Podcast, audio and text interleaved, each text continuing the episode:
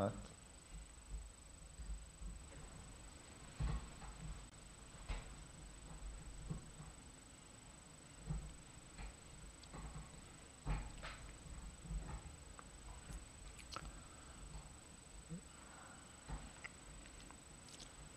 לילה טוב לכולם. אתם אה, על עיתונות אזרחית. אני זיו קינן. ולפני שנעבור לאיליאן מרשק עם הדיווח שהוא מביא מגבול אוקראינה, זה המקום שלי להודות לכם, הצופים שלנו, על התמיכה שלכם לאורך השנים שבלעדיה לא היינו יכולים לעשות את כל מה שאנחנו עושים. ובלי הקדמה נוספת, נעבור לאיליאן מרשק. טוב אתה, אחי. זה היה רבה, טוב. תודה רבה. זה היה טוב. תודה רבה. זה זה שידור טוב. הבכורה שלי. זה נכון. כן. זה נכון.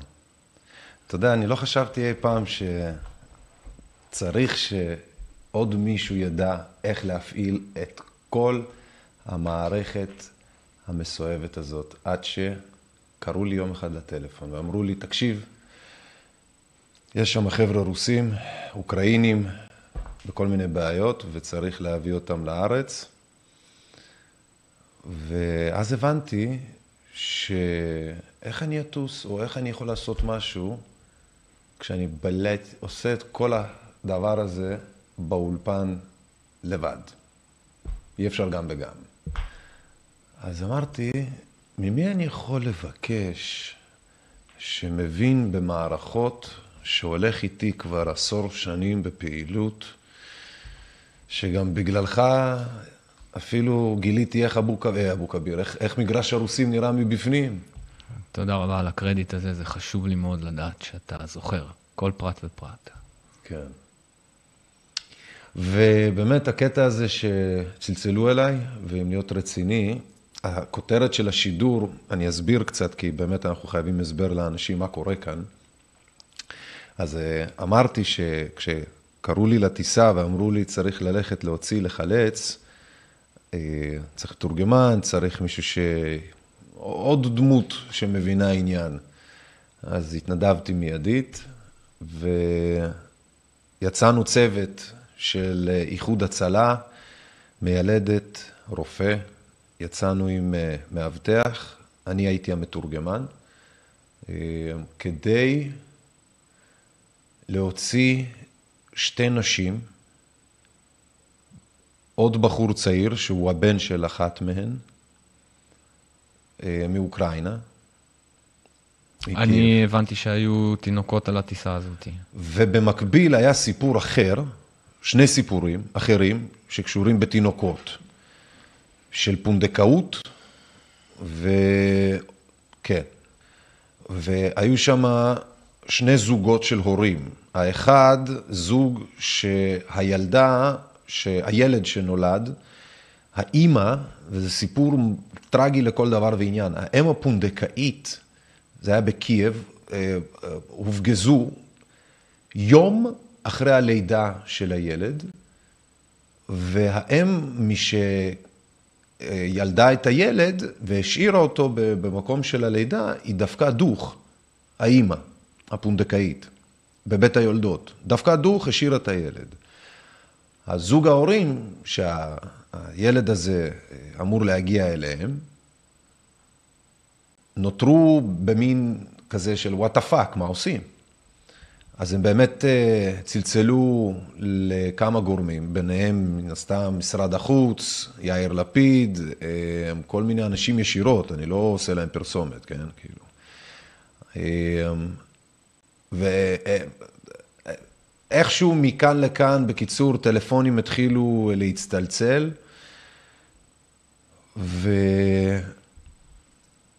לפני שאני ממשיך, אז כל הסיב... אני פה באולפן לשאלת האנשים ולא מאוקראינה כפי שהיינו אמורים לעשות, כי זה היה התכנון, זה בעצם לפי הלו"ז ולפי התוכנית, היינו אמורים להביא, להוציא את הילדה הזאת שנתקעה בקייב בעצם, שלא חולצה בזמן על ידי, לא, לא נמצא איך לחלץ אותה. לא, עוד לא מצאנו איך לחלץ אותה, אנחנו מנסים. אז היינו, מה, דבר עליי. היום, אני, אני יודע שעברת היום הרבה, ואולי אם לא נתחיל מהסוף וניתן את הקרדיטים, אה, כבר עכשיו, הייתי שמח לשמוע על החוויות שלך מהיום ועל מה שעבר שם, ואולי אפילו אם אתה יכול להראות לנו משהו. אז רגע, אז אני אומר, בוא שנייה, אני אסיים. יש לנו בכלל, אנחנו, יש לנו סאונד, יש לנו סאונד. אני טיפה חלש, יכול להיות שאני חזק, לא יודע, אין לי מושג האמת. אה, תסתכל רגע בתגובות של האתר, במחשב, כנס רגע לתגובות באתר של השידור. יש מצד שמאל ממש, יש שתי, אה, אתה רואה, לשונית עם לוגו שחור? אני, אני לא רואה שם, אני לא אראה שם, זה רק אם תשים על שתיים. אוקיי, okay, לשונית עם לוגו שחור. תיכנס פשוט לעיתונות אזרחית רגע. תיכנס לעיתונות אזרחית, תיכנס רגע לשידור הראשי. וגם אני שומע אקו, יכול להיות, שה... יכול להיות שהבוקסות של הדל פתוחות. מצד ימין בבוקסות יש נאבה כזאת. בבוקסות שלה בדיוק יש נאבה, מצד ימין, בדיוק פה. כן, זה עד הסוף למעלה, תסגור את זה לחלוטין, בדיוק. או, יופי, מצוין. כנס רגע לאתר, תראה שאנחנו שומעים אותנו, וזה תכף, אני רוצה, אני, אני, בינתיים שאתה מסתכל באתר רגע את התגובות, לראות שהכל בסדר, שלא צועקים עלינו שאנחנו אין סאונד וכאלה.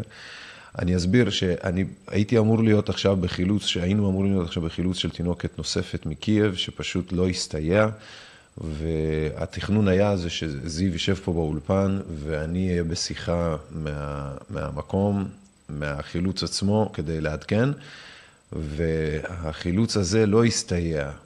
ו...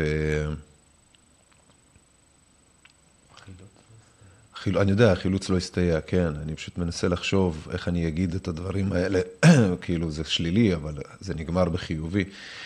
בקיצור, תכף, החילוץ לא הסתייע, אז בשביל זה כאילו הדברים התקצרו, ואנחנו לא באנו לטייל, אז פשוט קיפלנו את הבסטה והגענו חזרה לארץ. אה, עם תינוקת אחרת, שכבר כן חיכתה אה, לאיסוף, חיכתה שבעצם אה, באמבולנס ושנחלץ אותה. וזה באמת הצליח. אמ, כאשר באמת הזוג ההוא, שהילדה שלהם לא הצליחה, לא הצליחו לזה, אז הם באמת אה, נשארו כרגע בגבול כדי לחכות לתשובות, מה קורה, וזה דברים שלוקחים ימים, אז לכן אין לנו את היכולת כרגע להשאיר את המטוס אה, בהמתנה. וזה מטוס פרטי של מישהו שצריך להגיד לו באמת תודה ענקית. באמת תודה ענקית, לא מובן מאליו בכלל. מישהו שאני מכיר. אמ, זה מישהו שאני מכיר שאתם לא מכירים, אז אין לי אין טעם אפילו לזה. כאילו, הוא היה מעדיף שאני לא אגיד אה, מי הוא. ולמעשה, הוא היה איתך שם היום? כן, לא היינו לבד, הוא היה הטייס, אה, עם עוד שני טייסים אה, שהוא אוהב לטוס איתם. איך התגובות באתר? בסדר? אני לא רואה את האתר. אתה לא רואה את האתר? תיכנס לעיתונות אזרחית בגוגל. את האינטרנט אתה בטוח מכיר. כנס לאינטרנט. תיכנס רגע לגוגל. אני בכוונה, אני... רושם לי no אינטרנט.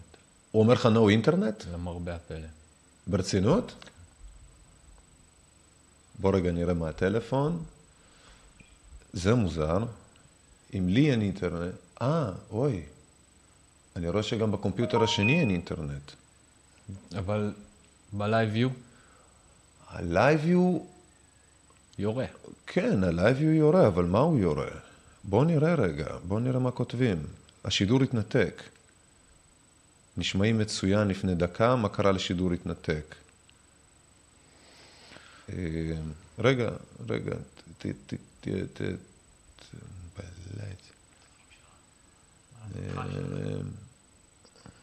אנחנו לא בשידור. אנחנו לא בשידור? מה אומר הפורטל? כנס לפורטל. לפורטל, אחי, הכי שמאלה שיש. LiveU מראה שאנחנו בלייב. כן? כן. הייתי מסובב אליך את המחשב, נראה לי לא, לא פרקטי עכשיו. לא, זה בסדר. עקרונית לא אמור להיות... אה, רגע, שנייה, שנייה, שנייה, שנייה, שנייה. הנה, כותבים לי, סורי, כן? צ'אט, שומעים ורואים, יש מעט ניתוקים. שומעים ורואים יש מעט ניתוקים. אוקיי, בסדר. טוב, אז אנחנו נמשיך. כי לא, על המחשב, אם יש לו אינטרנט או אין, זה לא מעניין אותנו בגדול. אבל אני מבין, אוקיי, בסדר, אנחנו רואים את התגובות, הכל בסדר. בואו נמשיך. סורי, אנחנו פשוט... אה, הניסיון היה זה שאני הייתי אמור להיות עכשיו בעצם באוקראינה, עם החילוץ הזה של התינוקת שלא הצלחנו לחלץ, ואתה היית אמור לשבת פה בעצם על האולפן, לנתב ולעשות. ובאמת, זה גם משהו שפשוט צריך שיהיה. אז בשביל זה אנחנו אז, עושים. אז אמנם לא, לא הבאנו אותך בלייב מגבול אוקראינה, אבל אני יודע שהבאת איתך מזכרות משם בצורת וידאו, אנחנו נשמח לראות לא משהו. יודע אם אזכרות, אבל כן, אפשר באמת, אה, כן, אפשר באמת אה, ללחוץ שם. אתה יכול להוריד את השם שלי, אגב, ולשים אה, על הלוגו הלבן, למטה, בדיוק, תלחץ עליו. לא נלחץ? הלוגו הלבן. הלוגו הלבן זה נותן עם השם שלך, זה אומר שהוא לא בעצם... שזה offline. אה, אני רואה את ה ATEM גם offline. השאלה, היא- השאלה אם רואים אותנו עכשיו. אה, איזה קטע מדהים. האינטרנט כולו שווק, אחי. חוץ מה, בעצם, חוץ מהשידור. השידור עובד בגלל... הרשת הפנימית. כן. כלומר, בוא, זה מה שמנהל את כל העניינים. כן, כן, כן. כל עוד המסכים לא מתו, כל עוד אין לך פריז, כל עוד הפורטל אומר לך שהכל זז, יש שידור. אוקיי, אז אני רוצה להראות לצופים שלנו, ברשותך, יאללה. מה שהבאת משם היום. כן, תלחץ על ספרה אחד, זה כבר ינגן לבד. אחד. תלחץ על שתיים. לא, זהו. תלחץ על פליי. מצד ימין. מעולה, בוא. נראה את זה. כן. אז בעצם, מה אנחנו רואים פה? אנחנו? רואים פה את המטוס הפרטי הזה, אה, שאני הולך אליו, יש לי גו פרו על, אה, על החזה, יש לי רתמת חזה עם הגו פרו עליה, ואתם רואים פה בעצם את החבר'ה מאוקראינה שאנחנו מחלצים. אנחנו ו- עכשיו רואים את, ה, את, את שדה התעופה ברומניה, נכון? על גבול אוקראינה. זה ספציפית כן. ומה שקרה פה זה שהאנשים האלה לא ידעו שהם עולים על מטוס פרטי, הם לא ידעו בכלל מה קורה, הם פשוט קיבלו יעד, אמרנו להם לאיפה להגיע, והם הגיעו ופשוט אספנו אותם ליטרלי באמצע שום מקום משום מקום. זה שדה תעופה נורא נורא נורא נורא נורא נורא נורא, כאילו כפרי, קטן, אני, קשה לראות את זה מכאן, אבל אלה החבר'ה, זאת התינוקת אה, שכן הצלחנו לחלץ, זה הרופא אריה, אה, בדיוק, שלוש. ואלה האנשים, אה, אתה יכול דווקא להמשיך להריץ את זה, אני חושב, על אחד תלחץ. לא, לא, באותה נקודה בשמחה, כן. בואו נראה את המשך. כן, אז שוב, עלייה אז, למטוס. אז, אז זאת התינוקת, אה, זה הרופא אריה, אה, איחוד הצלה, שגם עשו פה באמת אה, עבודה מעל ומעבר. אה, אני רואה יותר ממתנדבים, ממתנדב אחד שם. היו שם, יש שם כרגע של איחוד הצלה, יש בערך כ-50 בכל אזור הקרבות של אוקראינה, מבחינת הגבולות, על הגבולות האלה.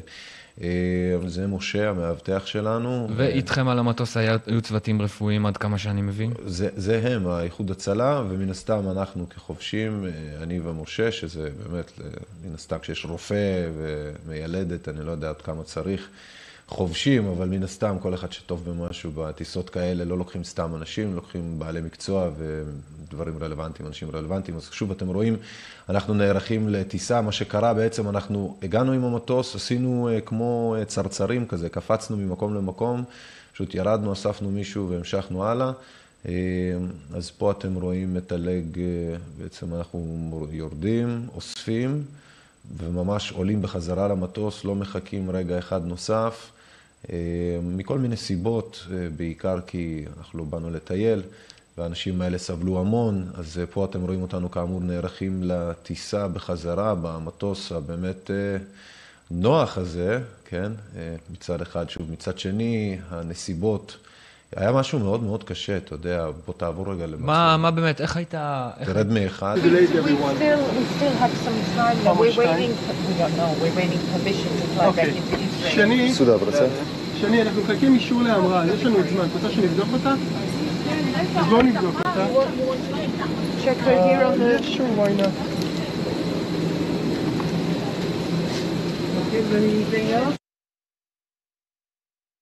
מצוין. אוקיי, יופי, אנחנו- עכשיו אבל תחזור לשידור, אלינו, תצא מ...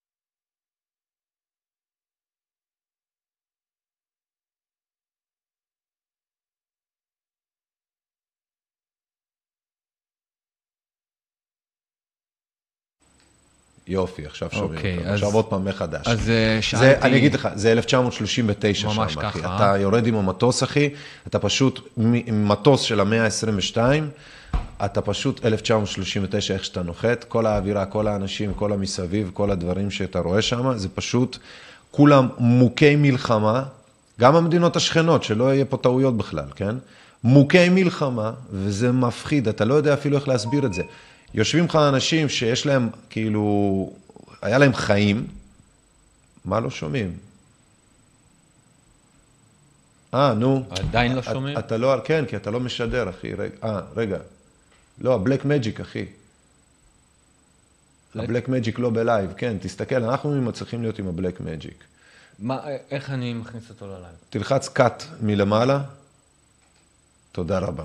יופי. ועכשיו אנחנו בלייב, שומעים אותנו. עכשיו אנחנו אמורים להיות בלייב. כן. אוקיי, אז אני אחזור על השאלה. לא, אחי, בסדר, לא, לא, לא צריך לחזור על השאלה, הכל בסדר, כן, לא צריך, אוקיי. לא, לא נחזור. אנחנו נמשיך מפה. נגיד שכשאתה טס במטוס שהוא מטוס פרטי המאה ה-22, עם כל הטכנולוגיות, עם כל האוכל ו- ודיילת, ו- ו- ואתה נוחת פתאום באיזה, לא יודע מה שם, באיזה כפר, אני אפילו לא זוכר את השם שלו, ואתה באילת, אתה פוגש שם את המאה ה-12. אתה פשוט, באמת, אני לא צוחק, אתה פוגש שם את מלחמת העולם השנייה, אנשים שם מוכים, מוכים, חבולים, וכן, אני מדבר גם על המדינות השכנות, לא רק על המדינות שכאילו, לא רק על אוקראינה, כן? אתה מתאר איזושהי מועקה. אני מתאר לעצמי שבטח השיירות מועקה. של פליטים שמגיעים שם. אל ה... אחי, הלם קרב. זה לא מועקה. מועקה זה, חברה שלי עזבה אותי, אחי, אתה יודע, זה מועקה. מועקה זה לא הולך לי בלימודים, אני, אני כושל, אני זה, זה מועקה, כאילו. אחי, פה- זה אובדן חיי אדם, אנחנו שרמוטה במסות שחבל על הזמן, שכאילו... אני כאילו תופס את הראש ואני אומר לעצמי, אנחנו לא ראינו כזה דבר פה לדעתי מאז 48. 48, לא 67, 73, 48. אתה מתכוון למשבר פליטים בסדר גודל כזה רחב? אני מתכוון לס- ל- ל- לערימה של אנשים בהלם קרב ובאלימות שהיא כל כך גדולה שהם מפנים אליהם.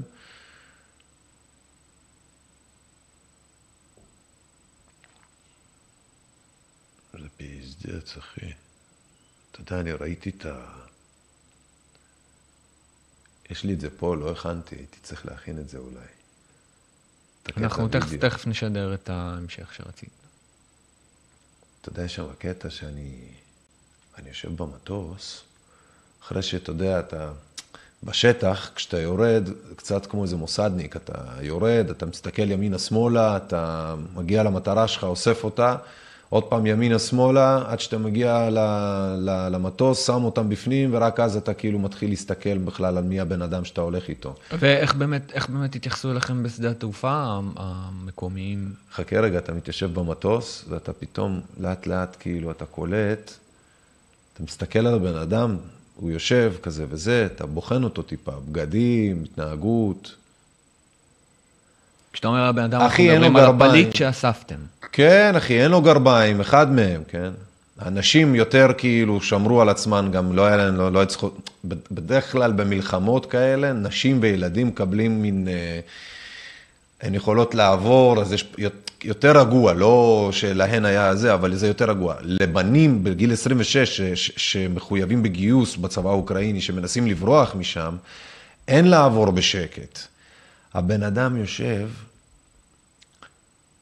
הנשים ישבו, נראו בבגדים נקיים והכל כזה מצוחצח כאילו כזה, אבל על הפרצוף שלהם ראית את הקילומטראז' אחוז שרמוטה, והוא יושב, אין לו גרביים, אחי. אין לו גרביים. עכשיו, מה זה אין לו גרביים? זה נראה כאילו, הנעליים שלו מרופטות שחבל על הזמן שנהיה בריאים.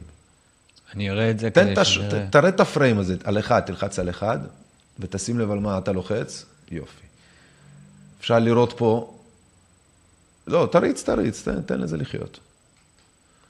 תן לזה לחיות. אתם יכולים לראות שכאילו הלבוש, נראה יומיומי, כבר- אבל- של כבר שבוע עליו לפחות. קודם כל עליו, כן, הוא מסכן, הלך באמת, הוא עשה קילומטראז' הילד.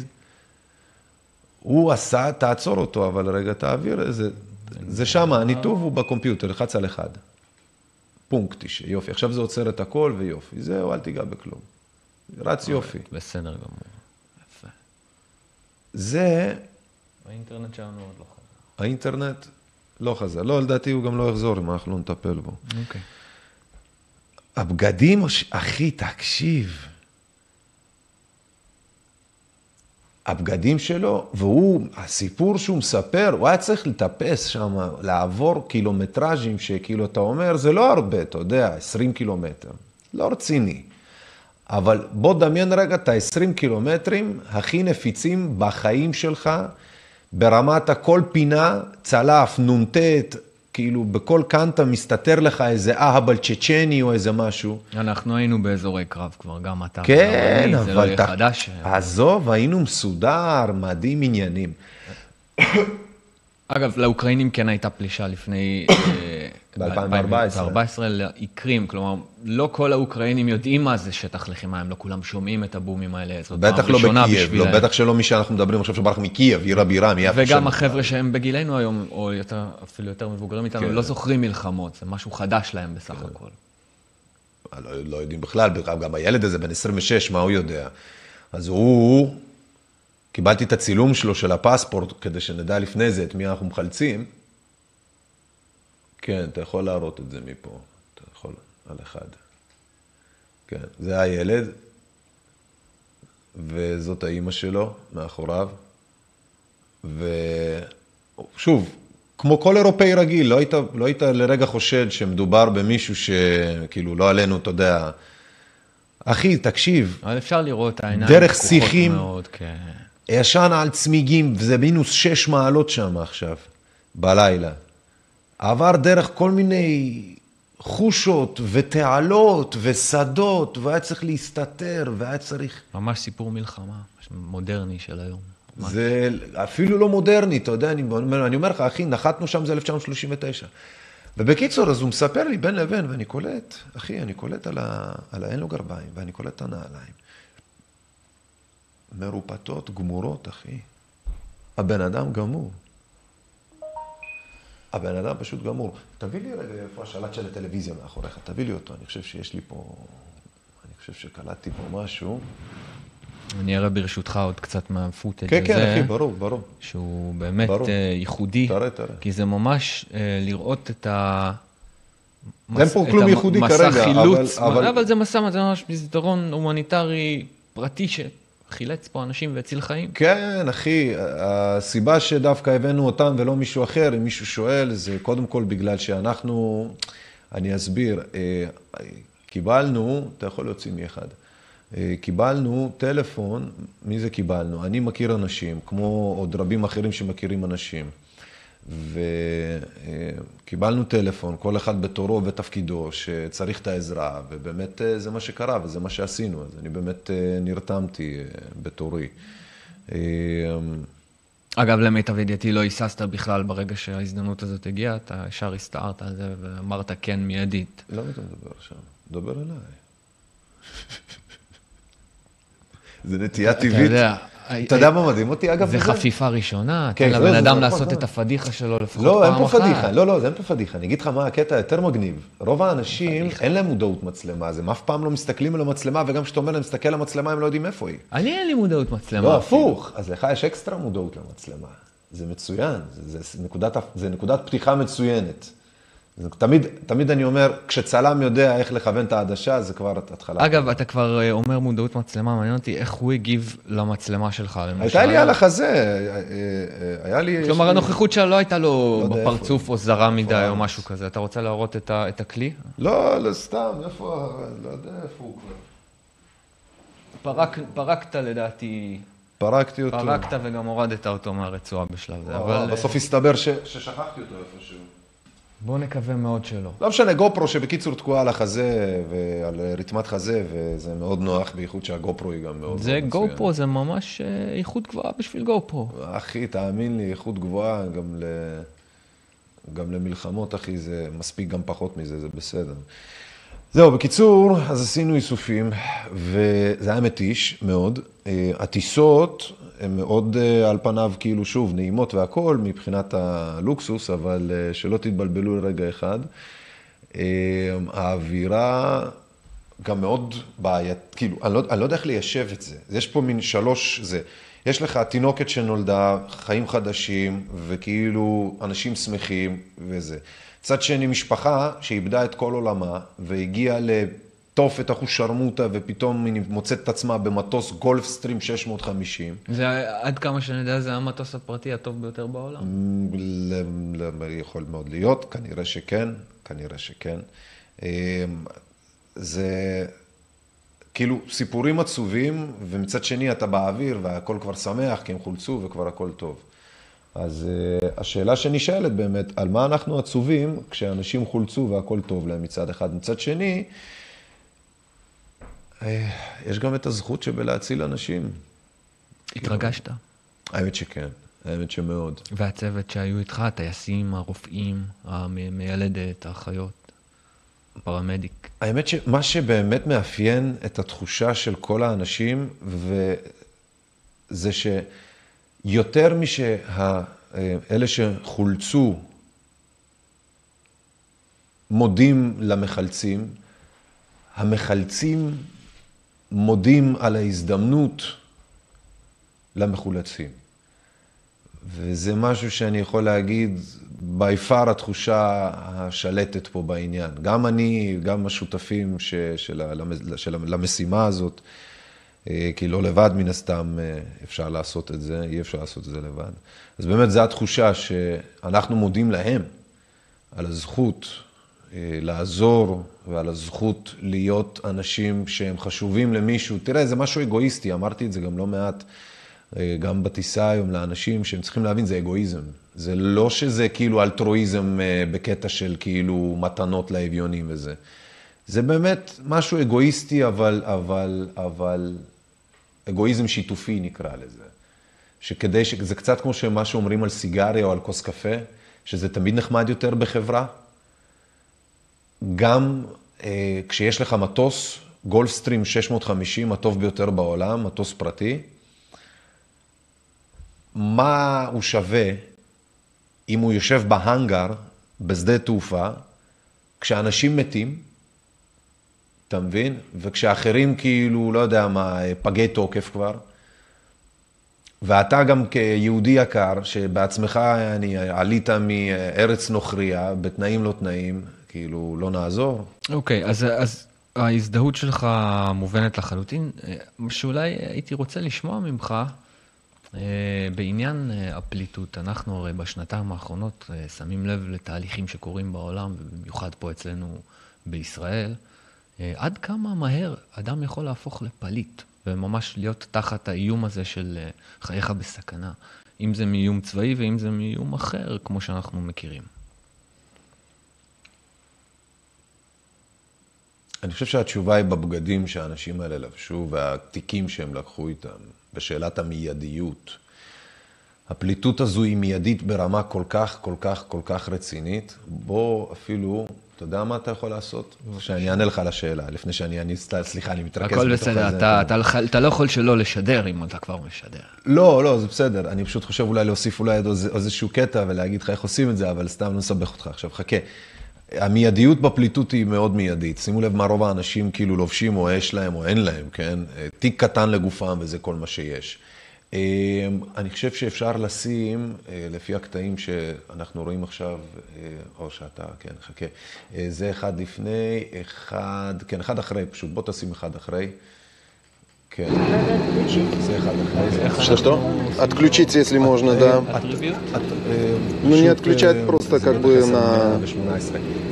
תסגור רגע, תסגור את החלונית של, ה... של הזה, בדיוק, תסגור, סליחה מהצופים, אנחנו גם חייבים את זה לדורות הבאים. נכון. תפתח את הווימיקס, יופי, זה 10 118, יופי. תלך צד שמאל למטה קיצוני, פינה, פ... שמאל, זה ימין. סליחה. יופי, add input, תלחץ. ואנחנו מחפשים את 118. יופי, לא, מי, ת, ת, ת, לך ימינה, בראוז יש לך? ראיתי. יופי, Alright. תלחץ 108, 10 118. 10, 118, לאט לאט. ממש כאן. נכון. אוקיי? וזהו. מצוין. תעשה אוקיי. יופי. ואנחנו מוסיפים אותו. לוחצים על אחד אם אתה רוצה להכניס אותו ללייב. אני, אני רוצה, בוא נראה באמת? את ה... כן, או. עכשיו, זה, אלו שתי אנשים אה, אה, שאחת מהמחולצות, בעצם שתיים מהמחולצות אה, שהגיעו, זה כנראה קצר, לא משנה. זה כנראה קטע, קטע קצר. תלחץ על אחד, זה הכל יופי, מצוין. מדהים. אפילו אני לומד איתך ביחד את, ה, זה, את המערכת. היא חדשה, היא זו, חדשה זו מערכת. מטורפת, אתם פשוט לא מבינים. כן. מספיק באולפנים כמונו, אבל כן. זו מערכת מטורפת. כן, אתם יכולים לראות אותה טיפה מאחוריך, ברקע וזה. קיצור, אגב, זה, זה state of the art techno- technology עד כמה שאני מבין. זה ציוד שמשתמשים בו באולפנים המקצועיים זה- ביותר. זה... ברוך השם.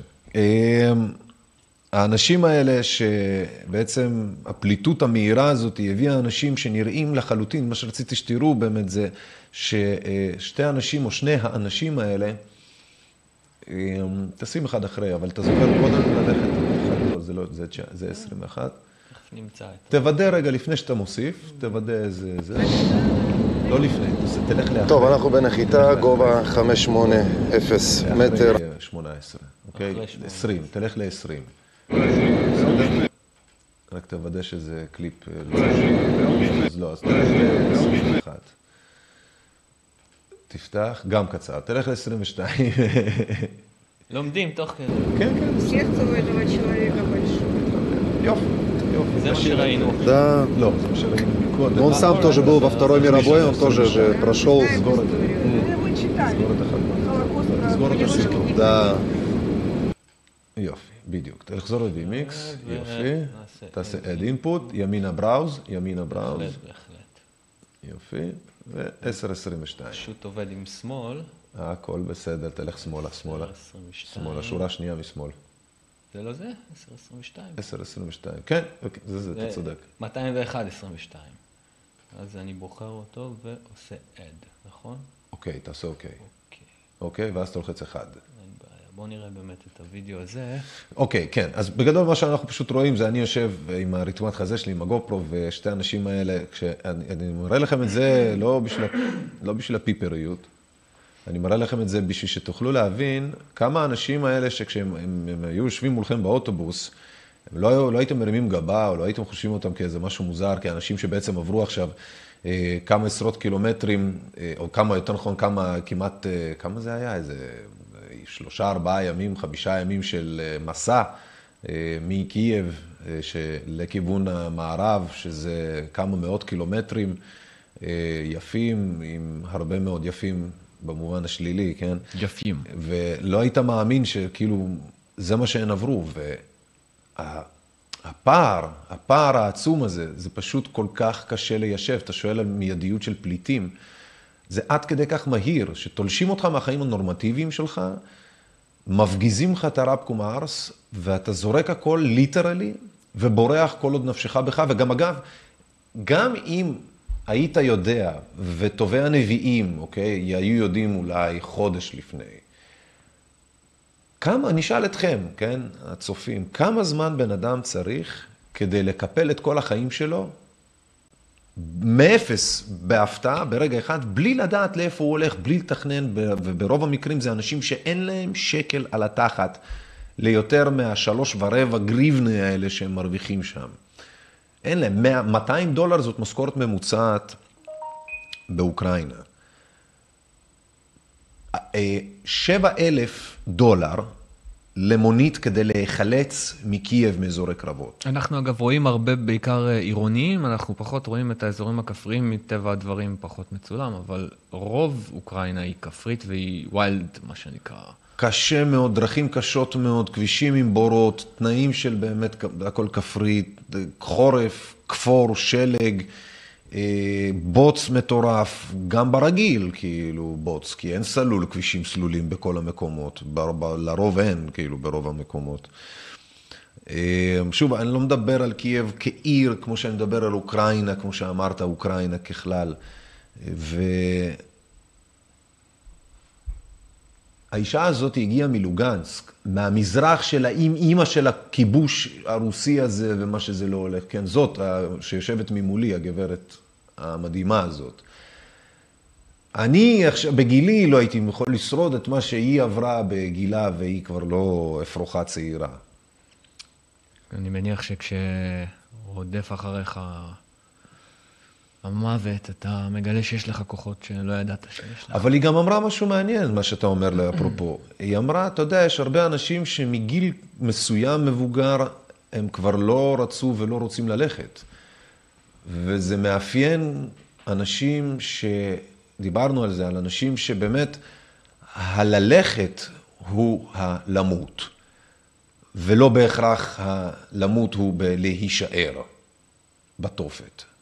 זה עד כדי כך בשבילם לעזוב, זה למות. יש אנשים שבאמת בגיל מסוים זה פשוט מטורף. אני בטוח שבעליות הקודמות של החבר'ה שצופים בנו עכשיו, אני מניח שאתם בטח יודעים, אה, איך התחושה הזאת של הסבים, סבתות, הממש מבוגרים, מבוגרות שעלו לכאן בעליות השונות, איך זה מרגיש, כאילו, הם הרגישו כאילו הרגו אותם פשוט. וזה לא משנה שהילדים הרגישו טוב, ושהנכדים הרגישו מצוין, ושכולם התאקלמו ונהיו ישראלים ויודעים את השפה וזה.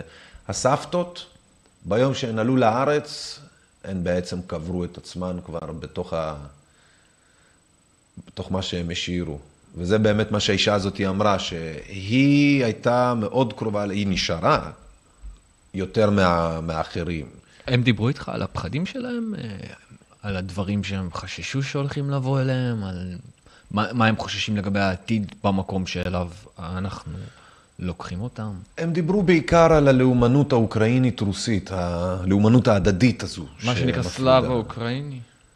בכלל, על, ה, על הריב בין האחים האלה. הם, הם, האישה שאפשר לראות בסרטון, אה, היית שם, כן. אפשר לראות את האישה משמאל, שבאמת שוחחנו ארוכות, היה לנו הרבה זמן בטיסה לשוחח. אה, היא סיפרה לי שבעצם הלאומנות הרוסית והאוקראינית, בעצם זה הרג אותה. היא אומרת שבכל השנים האלה, מ-2011 עד 2000, סליחה, מ-2014, הפלישה הרוסית, לחצי האי קרים שנמצא באמת דרומית לאוקראינה על הים השחור, אה, ממש במשחקים של סוצ'י שם, באולימפיאדת סוצ'י, אה, שזה גם צביעות של העולם, בוא צריך לומר, כן, שהעולם קופץ עכשיו כאילו מה מומי, בעת שפוטין התחיל את זה כבר ב-2014, ואז כאילו אף אחד לא אמר כלום, לא הפסיקו את האולימפיאדה, אף אחד לא הרים דגל בשום צורה. טבח שם במיידן, במפגינים, עם צלפים בלי, אה, בלי סימני זיהוי, בלי כל מיני כאלה, ושם אה, שליטי בובה. אז ההיא יושבת במטוס והיא בוכה ומתבאסת. היא, זה היה צריך לראות את זה. היא כאילו ישבה, והיא הייתה קצת מחוץ לסיטואציה. היא כאילו לא, לא האמינה בכלל איפה היא נמצאת. והיא הייתה בתוך עצמה כזה, מכונסת. ואז פתאום באיזשהו שלב היא התחילה לדבר, כאילו היא ממשיכה שיחה שהיה לה בראש, ואתה מבין שבעצם כל מה שהסתובב לה בראש, זה שהיא לא מבינה למה הם עשו את זה, למה הרוסים היו צריכים לעשות את זה. למה הם מזמברים את מי שהוא אחד מהם, למה הם מזמברים, הם בעצם, היא לא הבינה, היא מבחינתה, היא אומרת, אני מדברת רוסית. אני נולד, היא אומרת, אני נולדתי באוקראינה, אני התחנכתי באוקראינה, אבל אני נולדתי בסובייטים, אצל הסובייטים, וזה מה שכולנו. היא אומרת, אני לא מבינה את זה, היא אומרת, כולנו סובייטים, אין פה רוסי, אוקראיני, מולדובני וזה, כולנו סובייטים. היא אומרת, הילדים בסדר, לא מכירים, זה אני יכולה להבין. אבל אנחנו המבוגרים שמנהלים פה את הדברים, מה זה הדבר הזה, היא אומרת. אני, יש לי חנות, היא מספרת, ובא מישהו ולא מתאים לו שהיא פונה אליו ברוסית, הוא פונה אליה רק באוקראינית. והוא מוחה בזה שהוא זורק את הפרודוקטים והולך הלאה החוצה בלי לשלם עליהם. כאילו לא לוקח, אלא הוא פשוט זורק אותם על הקופה וממשיך הלאה. והיא אומרת, מה זה הדבר הזה? ואז היא מסכמת, והיא אומרת, מבחינתי המלחמה הזאת החלה ב-2014. כי היא אומרת, זה כבר ככה מ-2014, שחצי האי קרים, ורוסיה ופוטין, ונכנסו להם בעניינים, כן כובשים, לא כובשים. בוא, עזוב, אתה יודע מה, פוליטיקות ביצים. בסוף זה הסיפור האנושי. בסוף זה העובדה שאני כמו mother fucker, אחי, עבודות, עניינים וזה, מקבל טלפון, ואני יודע שאני עכשיו צריך לעשות החלטה שגוררת בתוכה פעולות ומעשים שאני לעצמי לא עשיתי במשך כמה שנים של הקורונה, בגלל הקורונה וכל הבדיקות שכרוכות בזה, וכל הזבל הזה שכרוך בזה, וכן, אני לא, לא מחוסן, אז עכשיו אני כן צריך בידוד, או לא צריך בידוד, ואתה יודע, אמרתי, קוסומו. ובלי להסס, פשוט בלי יצאת על קוסומו, הדרך. זורק הכל, אמרתי, יאללה, בוא נעשה, בוא. אם יש משהו אחד שבאמת, אני אומר, אם יש משהו אחד שבשבילו התרסקות של מטוס הייתה שווה את זה, אם אנחנו מתרסקים לא עלינו, אתה יודע, כל מיני דברים כאלה. זה באמת האנשים האלה, זה באמת הסיטואציה הזאת, זה הזכות הזאת של להתאסף קבוצת אנשים בעלי יכולת, בעלי ידע, כלים ומשאבים בעצם, כדי לתת את האלף-בית של הגימל-דלת בהצלה ובדברים הבסיסיים. ושוב, אין פה אלטרואיזם, זה לא אני נדיב או כל מיני כאלה, זה משהו שהוא שלי.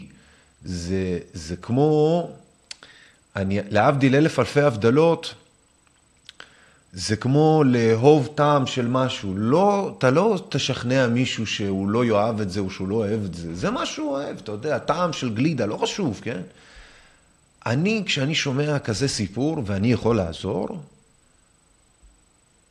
לשבת מהצד, משעמם. אתה מבין? בואו נעשה משהו לפחות, ואם כבר משהו, אז משהו מעניין וחשוב.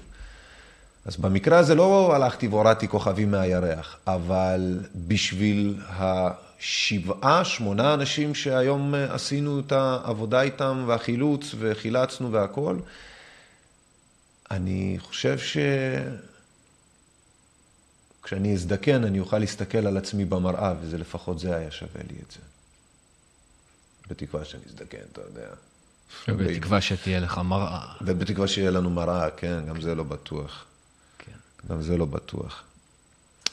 מעניין אותי לשמוע קצת, ככה, על התגובות של הפליטים שאספתם, כשהם עלו למטוס, כשהם הבינו שזהו, הם עוזבים את אדמת אירופה, הם באוויר והם בידיים ישראליות. אנחנו מדברים פה על אנשים שברחו ממדינה שנמצאת תחת מלחמה כרגע. כן, כן, כן. האם אה, רווח להם, למיטב כמה שיכלת לראות את זה? ראית פעם חיוך על מישהו שאמרו על... אה, תתאר לעצמך, הורה, שילדה מאוד קטנה שיש לו, או ילד מאוד קטן שיש לו, בן חמש. קופץ משמחה ליד האבא, ובדיוק באותו הרגע מבשרים לאבא שמישהו מת. מאוד יקר לו. ובא הילד ושואל אותו, אבא, אבא, הכל בסדר? ואז האבא, כדי שלא, אין לו מה להסביר עכשיו לילד, אז הוא מחייך. אבל החיוך הזה, זה היה הפרצוף שלהם. זה היה חיוך, או אם תרצה, פנים מנומסות של אנשים, ששוב, הם רוסים ואוקראינים, ויש כזה דבר. כמו שאגב, אני רוסי ובלרוסי, כן, לצורך העניין.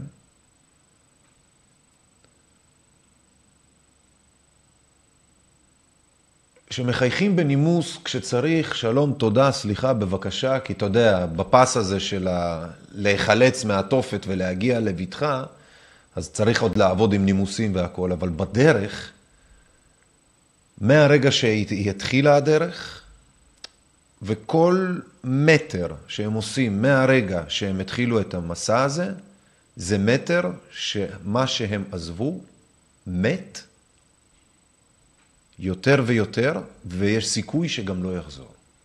זה נורא. אני לא יכול לדמיין אפילו איך זה לאבד את כל מה שאי פעם הכרת, את הבית שלך, את המדינה שלך, את המקום הבטוח שלך, המערכת שלך, הקהילה שלך. זה נראה לי סיוט. אני חושב שזה הפנים הכי... אתה מרגיש כשאתה מסתכל, כשאתה נמצא ליד בן אדם כזה, אפילו לא מסתכל עליו, אפילו בלי קשר אליו או הוא אליך, רק מלהיות ליד בן אדם בסיטואציה כזאת, שזה הפנים שלו, שבעצם נחרב עולמו, כי הוא גם הגיע אל היעד, למטוס שלנו, בזה הוא הבטיח במידה מאוד מאוד רבה את הניתוק הזה, לכל הפחות עד שתסתיים המלחמה. שזה יכול לקחת גם הרבה זמן, בהרבה מובנים, כי מלחמה יכולה להסתיים אולי טקטית, אבל כמו שראינו אה, עם אה, חומת ברלין, כן, לצורך העניין, המלחמה, מלחמת העולם השנייה הסתיימה, אבל מלחמת... 50 שנה. 50 שנה כמעט הסיפור כן. הזה של חומת ברלין, בוודאי. אז זה לבדו הרג מלא אנשים, הפריד בין מלא משפחות וזה, אז... שלא, שלא יתראו בסוף אף פעם. כן, נכון. חלקם פשוט לא ראו לא את הקרובים שלהם יותר לעולם. נכון. כולל אגב צפון קוריאה ודרום קוריאה. אגב, חייבים לציין גם את זה. מלחמת uh, הקוריאות, בהחלט, כן. זה נכון, גם לנו יש פה גדר, וסליחה שאני מכניס את זה. זה בהחלט. חשוב להכניס את מה שאתה אומר. זה חשוב מאוד, ויש לנו בישראל, כאן גדר, והיא בהחלט גדר מפחידה וגבוהה. ב-1948 הייתה פה מלחמה שהפרידה בין אנשים, בין, אה, אה, נקרא לזה משפחות, קהילות, אה, תרבויות מן הסתם כאלו ואחרות. וזה יצר משבר פליטים משל עצמו. נכון. שעד היום אנחנו משלמים את המחיר זה שלו. נכון מאוד מה שאתה אומר. זה לא רק נכון מאוד מה שאתה אומר, הסיבה שאנחנו נמצאים בכל פעם מחדש בזבל הזה, זה בגלל שאנחנו לא העזנו להסתכל בארגז החול של עצמנו וללמוד לקח וליישם בהתאם. אלא החלטנו לטמון את הראש בחול, כי היה ועדיין נוח להגיד שזה מישהו אחר בזמנים אחרים, בגלל שהוא והם מתים, אז אנחנו לא נאסוף את הזבל במקומם. כן, בקיצור, הפליטות הזו, הפנים האלה של האובדן, של הסוף, של הטרמינליות הזו, לא רק שאנחנו לא מכירים, אני יכול להגיד על עצמי, אני עוד טיפה יותר מכיר, כי אני באמת בעצמי אה, עליתי בפליטות. אה, אבל באמת... באיזה שנה עלית? ב-90. עלייה הרוסית לישראל. העלייה הגדולה של ברית המועצות, וזה למה אני אומר... וזה שאני... טרום, טרום התפרקות ברית המועצות. זה... ו... טרומפל רוס. טרומפל רוס. טרומפל רוס.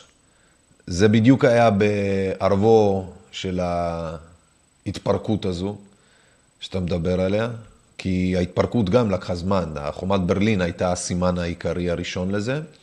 אוגוסט 89. אוגוסט 89? יכול להיות שאני טועה? אני לא זוכר. ומשהו שמונה, יכול להיות שאני טועה, לא זוכר. ו... עזוב, עזוב, יתקנו אותנו הקהל. יתקנו אותנו. אחי, זה בסדר לטעות, זה בסדר. בקיצור, חומת ברלין התחילה את זה, ואז ב-92 כבר אפשר היה לגמור את ההלל אה, עם הקרבות שהיו שם. מיסטר גורבצ'וב, turn down this wall. בדיוק. אז בדיוק באמת ב-91-2 כבר באמת היה את המהפך המאוד רציני, כולל קרבות בלב מוסקבה, טנקים, למי שזוכר וזה. אז בקיצור, כל הפליטות...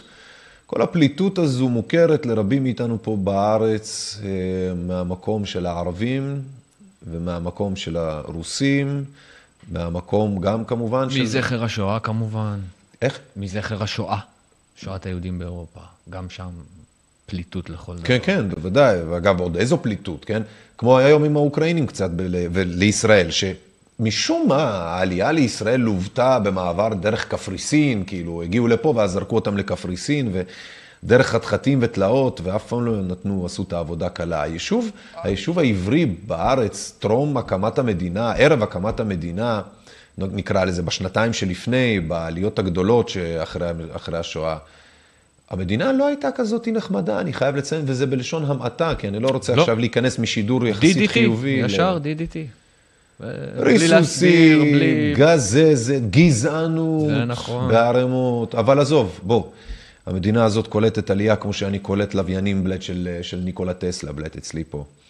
אה, הם הגיעו לכאן, מהטיסה נצמצם קדימה, והיופי שמצד אחד התינוקת שחולצה והגיעה לידיים בטוחות, שמחה רבה, ומצד שני הכאב הרב אה, של הנתק והעזיבה של מה שהיה פעם בית, של אותם הפליטים היותר מבוגרים מאוקראינה, אה, אבל גם השמחה של הילדים, של מי מהם, אה, יש להם ילדים פה בארץ, אז לשמחת הילדים שלהם, אז הם באמת כולם הצליחו להגיע בשלום. אבל שוב, התחושה של הנתק היא מאוד קשה, והחבר'ה האלה, גם אמרתי להם, הם עזבו מקום אחד והגיעו למקום אחר שיש לו צרות דומות, לא פחות, הם הבינו מיידית והם אמרו שהם מכירים, כי הם כבר היו פה פעם אחת בגלל הילדים שיש להם. אה, לאחת האימהות האלה יש לה פה אימ, אה, ילדה, ולאימא האחרת יש לה פה ילד. כשאני אומר ילדה וילד, זה לא בני 15, בני 30. לצורך העניין הם מגיעים למשפחה. כן, כן. אבל שוב, משפחה, הם המשפחה של שני הילדים שפה. שני הילדים שפה, וזה סיפור מעניין, הם עלו ב-2014 בגלל הלחימה. אז שם בחצי האי. בלוגנסק, שזה עוד יותר, זה, זה העיירות המזרחיות ביותר, שבהם כל הבוכלטריה, ירי, ספו, אגב, עד היום, עד, עד, עד, עד, אפילו עד לפני הפלישה של פוטין, אה, אה, לפני כ-11 ימים, ירי מתמיד של פגזים, ירי צלפים, על לוגנסק ועל ה, על הצדדים המזרחיים. אז בעצם הם הגיעו מאזורי תופת שחבל על הזמן. אז אה, מבחינתם, הם המשפחה שהגיעה לילדים שהיגרו לפה כבר מ-2014 מאותה התופת. אה, זה יהודים יקרים, אין ספק. והוא מספר, אתה יודע, אני חייב לספר לך קוריוז, הוא מספר, הילד, הוא מספר ששאלתי אותו אה, איך הוא נחלץ, כי הוא בן 26 ושם יש צו גיוס בין 18 ל-60. אז הוא אומר לי שהוא היה צריך לשים את כל התיקים ואת הדברים שלו אצל האימהות בידיים, כדי שהן תעבורנה את הגבול בבטחה. והוא נשאר הרחק מאחור. כביכול לשחק אותה שהוא לא עובר בכלל, אני רק ליוויתי אותה. לא, הוא ו... אפילו לא הגיע לגבול, כדי שלא יהיה אפילו את זה. מה? אז, אז כן, אז הוא נשאר הרחק מאחור, העביר להם את הדברים, הם, הם המשיכו במונית או במה שזה לא יהיה. אה, הם גם הלכו מן סתם המון ברגל, אבל היו חלקים מסוימים שכאילו לנשים ולילדים נתנו לעבור חופשי. ולגברים אוקראינים, אם תופסים אותך, מנסה להבריז אה, מהצבא ומגיוס, אם אתה בין 18 ל-60, זה חבל על הזמן.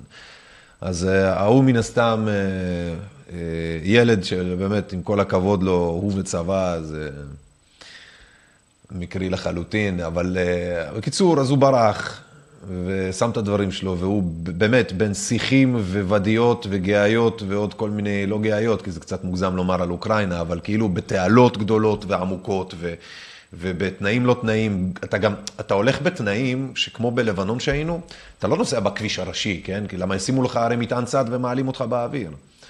אתה הולך על דרכים צדדיות ומחפש לעצמך את השיפולי ההר. אפילו לא דרכים צדדיות, אתה חותך דרך שדות. אתה פיזית ממש הולך דרך השדות, אם זה בתעלות אתה חוצה תעלות, אם יש גדרות אתה חוצה את הגדרות, אם יש כביש מהיר, אם זה גדר או משהו, ואחי, הבן אדם פנסים, כולו כוסות בידיים, אחי, שחבל על הזמן. כמו שהיינו בצבא עושים נניח סדאות וזה, איזה שבוע רבאק כזה של, אתה יודע, בשטח וזה, ו... הם אגב נזקקו לטיפול רפואי כלשהו? הם, כן. הם, לא נזקקו לטיפול רפואי, הם נזקקו, הם זקוקים לטיפול, לדעתי, לטיפול. הם צריכים דחוף ליווי.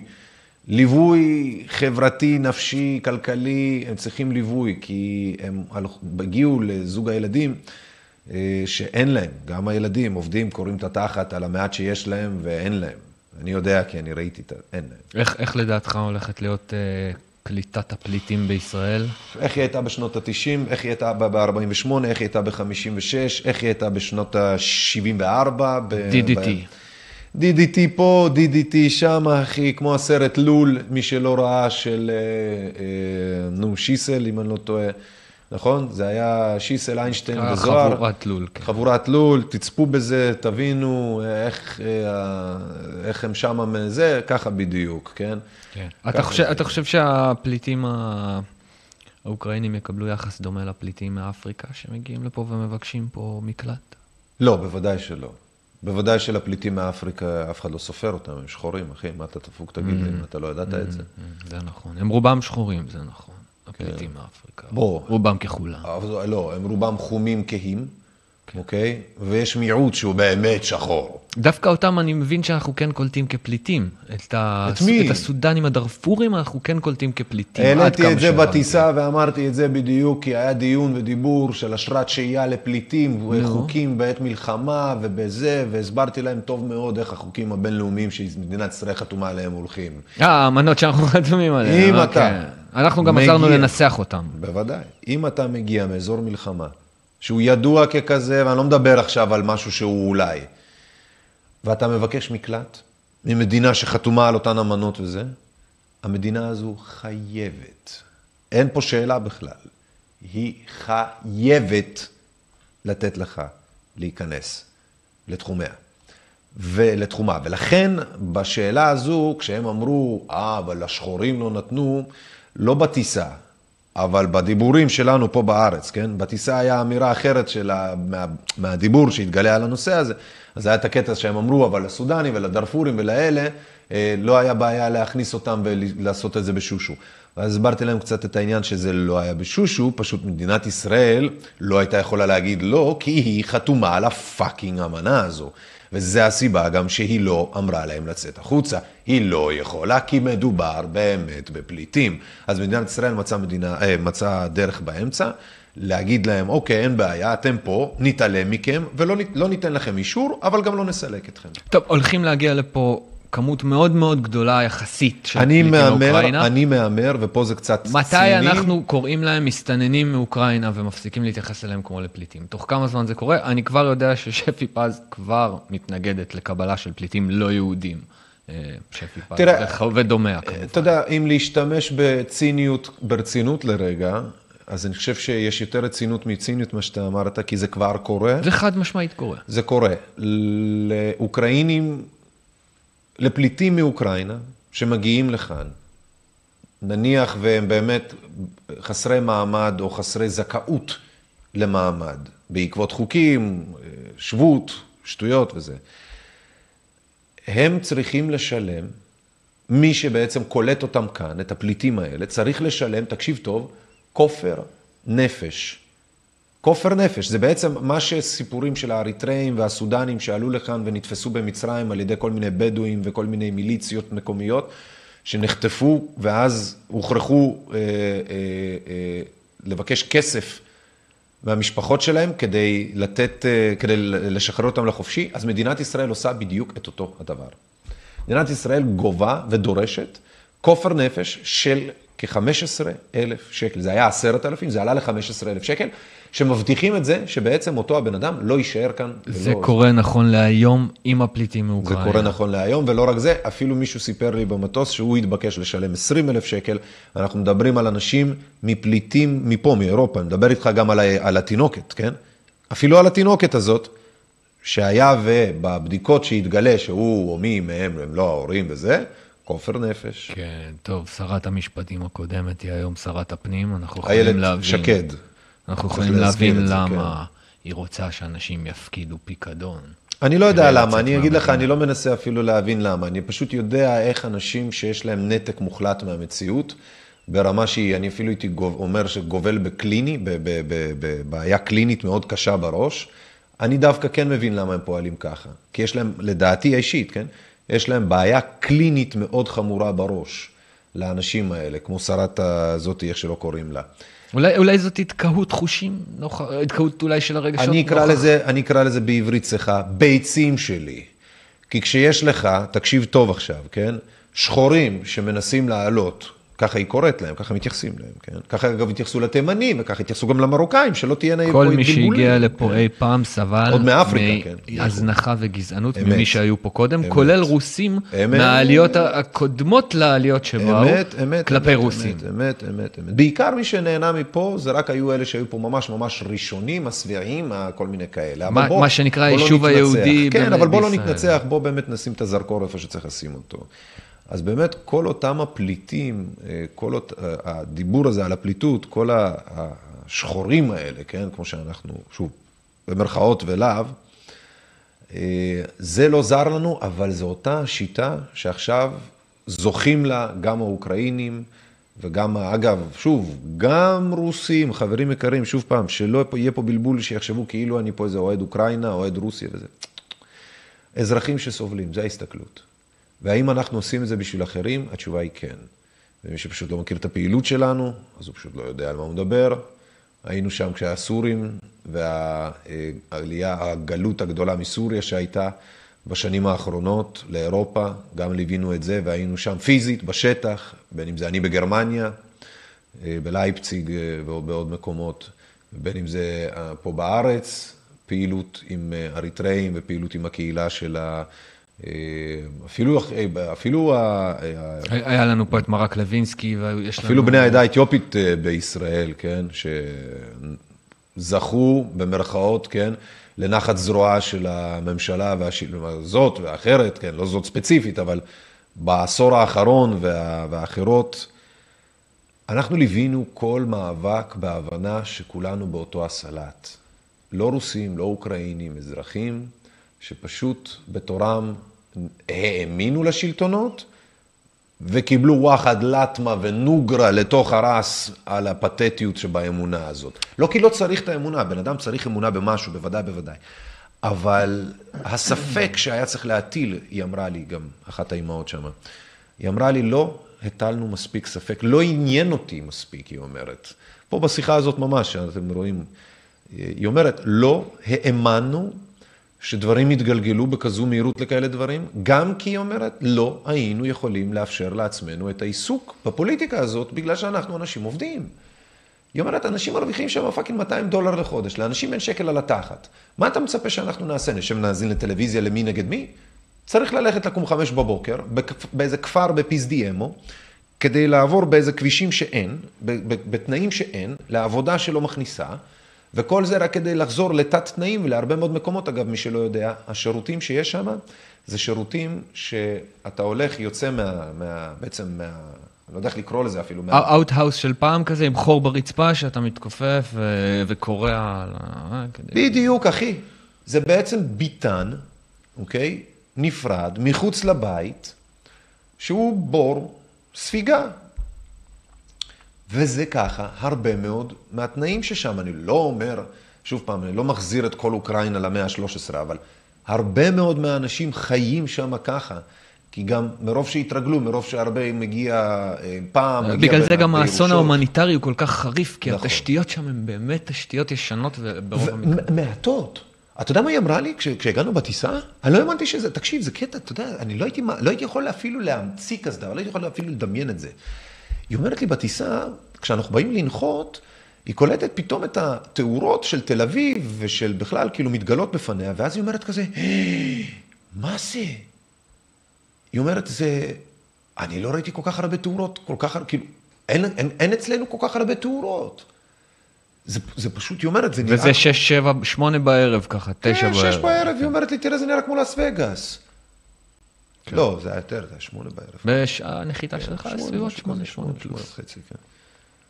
מרשק, אולי מילה, אם דיברת קודם על, אה, על הרוסים ועל האוקראינים ועל ה... על ה... בסך הכל אחווה שאמורה להיות בין שני העמים האלה, אנחנו רואים דיווחים על אלפים שיוצאים... הם אותו העם, חלי, אני לא מוכן לקנות את השטויות האלה, אני מתנצל, המאה ה-22 זה לא המאה ה-13. אני רוצה לשמוע על המפגינים ברוסיה, אני חושב שמדובר באנשים אמיצים בצורה יוצאת דופן, שהם יוצאים מול שליט כמו פוטין. וואו. ממש לרחוב, וזה לא ישראל, שישראל גם יכולה להיות קשה למפגינה, רק היום ראינו חרדים מקבלים מכות בירושלים, אבל אני מדבר עכשיו על הרוסים שיוצאים. בזמן המלחמה, כשפוטין הציל חוקים מאוד מאוד ספציפיים על כך שאסור לך להתבטא באופן שנוגד את המסרים או הטרמינולוגיה שהשלטון היה מעדיף להשתמש בה. לצורך העניין, אם אתה קורא לפלישה הזאת פלישה ברוסיה, אתה צפוי למאסר אמת. ארוך מאוד של כמה אמת. שנים. מה, מה תגיד לי על המפגינים האלה? איזה, מה, דיברת על ביצים גם. זה חתיכת אומץ. בוא אני אספר לך על עצמי. אני ב-2014, 13, לא, לדעתי זה היה 14. טסתי ללטביה, גם לא נכון. טסתי להולנד ועשיתי משם איזשהו מסע, כי באמת אחרי הרבה שנים, כולל גם אז היה מחאה, כאילו איזה שלוש שנים עשיתי וזה. הייתי צריך לנוח, טסתי לאיזה שבועיים, שלוש, חודש. אה, הולנד, ואז לכיוון מזרח. לכיוון לטביה, ליטא, אסטוניה, בלרוס, פולין, כל האלה, הייתי ממש פיזית, נסעתי, הלכתי, ישנתי, כאילו, עשיתי מסע. תקשיב, יש אזור בצפוני, מה אתה מחפש, תגיד לי? אל תתבייש. אתה תהיה בזה, אני רציתי את הטלפון לראות אם יש לי שאלות מהצופים שלנו. אגב, אם יש לכם שאלות, עכשיו זה זמן מצוין לשלוח אותם. אנחנו נשמח להפנות למרשק את כל השאלות שלכם. קח, קח, אחי, קח. יש לנו אפילו קצת צופים, זה כיף. זה טוב, אני תכף אני גם אנסה להעלות עוד וידאו. עכשיו שומעים, כן שומעים, לא שומעים, כן שומעים. זה מצוין, עדכונים מצוינים. יש, כן שומעים, לא שומעים. שידור, יופי, יופי. יש פה, כן. קח, תסתכל, oldest, newest. יש גם, אגב, לדעתי יש גם ביוטיוב. אז בוא, אני מזמין אותך גם, אם אתה רואה שאלה, אתה מוזמן גם להקריא את השאלה וגם... הנה, יש פה.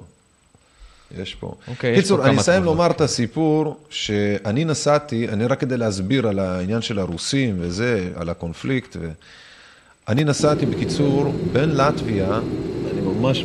דברים לא היו מתאפשרים, אז בים כל הצפוני, הכבוד. מעל פולין, בצפון מזרח פולין. השרירים שלך בין קטנים. לטביה לפולין, סלאבה. צפון מזרח פולין, יש איזה אי שיש לך, כאילו מי שאתה איתו, זה מה נקרא שלך. לזה מבלעת, רוסית. לא בתור בוס. לא, זה- חלילה, אני זה אומר, יש, אתה מסתכל על בוס ובוס, זה שיש לך לא- כאילו מי שאתה איתו, זה בסדר. אה, יש מובלעת רוסית, תפתח את התוכנה רק שנראה שהכל רץ, אה, שנקראת קלינינגרד. היא שייכת לרוסיה, וזה בעצם מובלעת שהיא, אה, כשאתה מגיע לתוכה, זה באמת חזרת 50 שנה אחורה בזמן. והסיבה שאני מספר את זה זה כי ב-2014, בגלל מה שקרה עם אה, קרים, עם אוקראינה וזה, אני, בלי שום קשר לאוקראינה, בלי שום קשר לרוסיה, חוץ מהעובדה שאני יודע רוסית ונולדתי במינסק, בלרוס, כשחבר שלי, שאיתו עשיתי חלק מהמסע, אמר לי במין קלות דעת כזאת, תקשיב, אנחנו צריכים לעבור פה בקלינינגרד, זה שעתיים, אה, לעבור אותה ברגל, או ב... לא יודע מה זה היה חלק מזה, באוטובוס קצת וזה, כדי להגיע לפולין, ומשם להמשיך חזרה מערבה. אמרתי לו, תקשיב, אחי, אני לא נכנס. למה אמרת לו את זה? אמרתי לו, תקשיב, אחי, אני לא נכנס. ועכשיו, הוא, הוא, הוא לא מבין אותי, ואני מנסה כאילו איכשהו להסביר לו. את מה שהיום כולם יודעים. את מה שהיום כולם יודעים. שעם הרוסים, כשאתה עובר או נכנס לשערים של רוסיה, אתה בעצם חוזר 50 שנה אחורה. ויהיו המרצדסים המתוחכמות ביותר שיהיו. ויהיה להם את היאכטות היקרות, תחזיר, תחזיר, עזוב, עזוב, תשים איזה. ויהיו להם היאכטות היקרות ביותר שיהיו. זה לא משנה עובדה אחת, כשאתה נכנס בתוך תחומי רוסיה, במקרה הזה זה היה קלינינגרד, אתה כדאי מאוד, כמו צפון קוריאה, שלא תתעסק, שלא, לא הוואנטות, לא פוזות, לא על אזרחים, לא על חיילים, לא על סמלים, לא על, לא, תבוא לי באיזה, כמו איזה הומוסקסואל וזה, סליחה, אבל ככה זה פשוט שמה. אוקיי, אנחנו ראינו את נעמה יששכר עם בוף קטן. נעמה יששכר, בוף קטן ושלום. אח שלי, תקשיב. הם, לא, גם האנשים כתרבות, ותשמע, אחי, בוא, אני גדלתי כאילו בזה, אני, כשהייתי שואל את ה... היה איזה קטע, איזה ילד הציק לי כשהייתי ילד קטן, ובאתי לאחד החברים הקטנים, אה, ליד ההורים שלו, ואמרתי להם שהציק לי, ומה אני עושה? אז הם אמרו, מה, אתה דפוק? תרביץ לו בחזרה. זה היה נראה לי לגיטימי. אמירה לגיטימית. אז הלכתי והרבצתי לו אחושרמוטה, פוצצתי לו את הצורה. נענשת על כך. לא. כאילו כן, לא בצורה שאפשר לומר היום שזה עונש, זה היה סתם כאילו נו נו נו, אבל הכי פירקתי לו את התחת ברמה של לא ילדים, אבל עדיין. כי ככה, זה התרבות, אחי, תקשיב, זאת התרבות, מישהו, בת, את, מישהו, אתה, רק להגיע לתוך קלינינגרד, עברנו איזה לילה אחד בפאב, ישבנו, out of the fucking blue, בא לי איזה מישהו, לא מתאים לי שאתה מדבר ל- לטבית, לא מתאים לי שאתה מדבר רוסית, לא משנה מה דיברת לתוך, לא משנה מה זרקת, איזה שפה דיברת איתו. אומר, לא מתאים לי שאתה מדבר את השפה. באגרסיביות? מכות. מה זה אגרסיביות, אחי? בן אדם שמונה על שמונה, שיכור מתח ושרמוטה, עם חברים שלו.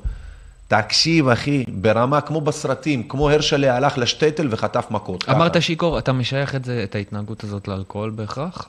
לא, אחי, אני אומר שהאלכוהול פותח אצלם את מה שגם ככה יש. לא אצל כולם, אני מדבר תרבותית, כן? תרבותית, האגרס- אגרסיביים, אלימים. האגרסיביות הזאת. והם גדולים בסך הכל. אהבה, יש משהו, יש כבוד לאגרסיה, יש כאילו מין, גם אם אתה לא עומד בזה, גם כאילו, אתה תחטוף על זה שאתה לא עומד בזה, אתה מבין? אתה כאילו, יש משהו מאוד, אתה לא מתעסק עם הרוסים. אחי, אני לא, אני אז אמרתי לו, והוא לא הבין אותי.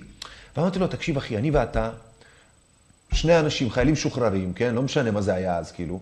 אה, צעירים משוחררים, כן? כאילו, בוא אחי, תתייחסו אלינו כמו סטלנים, יסגרו אותנו פה בשתי שניות, לא משנה, גם לא היה לנו כלום עלינו משהו שאפשר לומר, אתה יודע, באיזושהי צורה. טבק, אחי, ואני לא אשכח, אה, כיכר לחם ונקניק.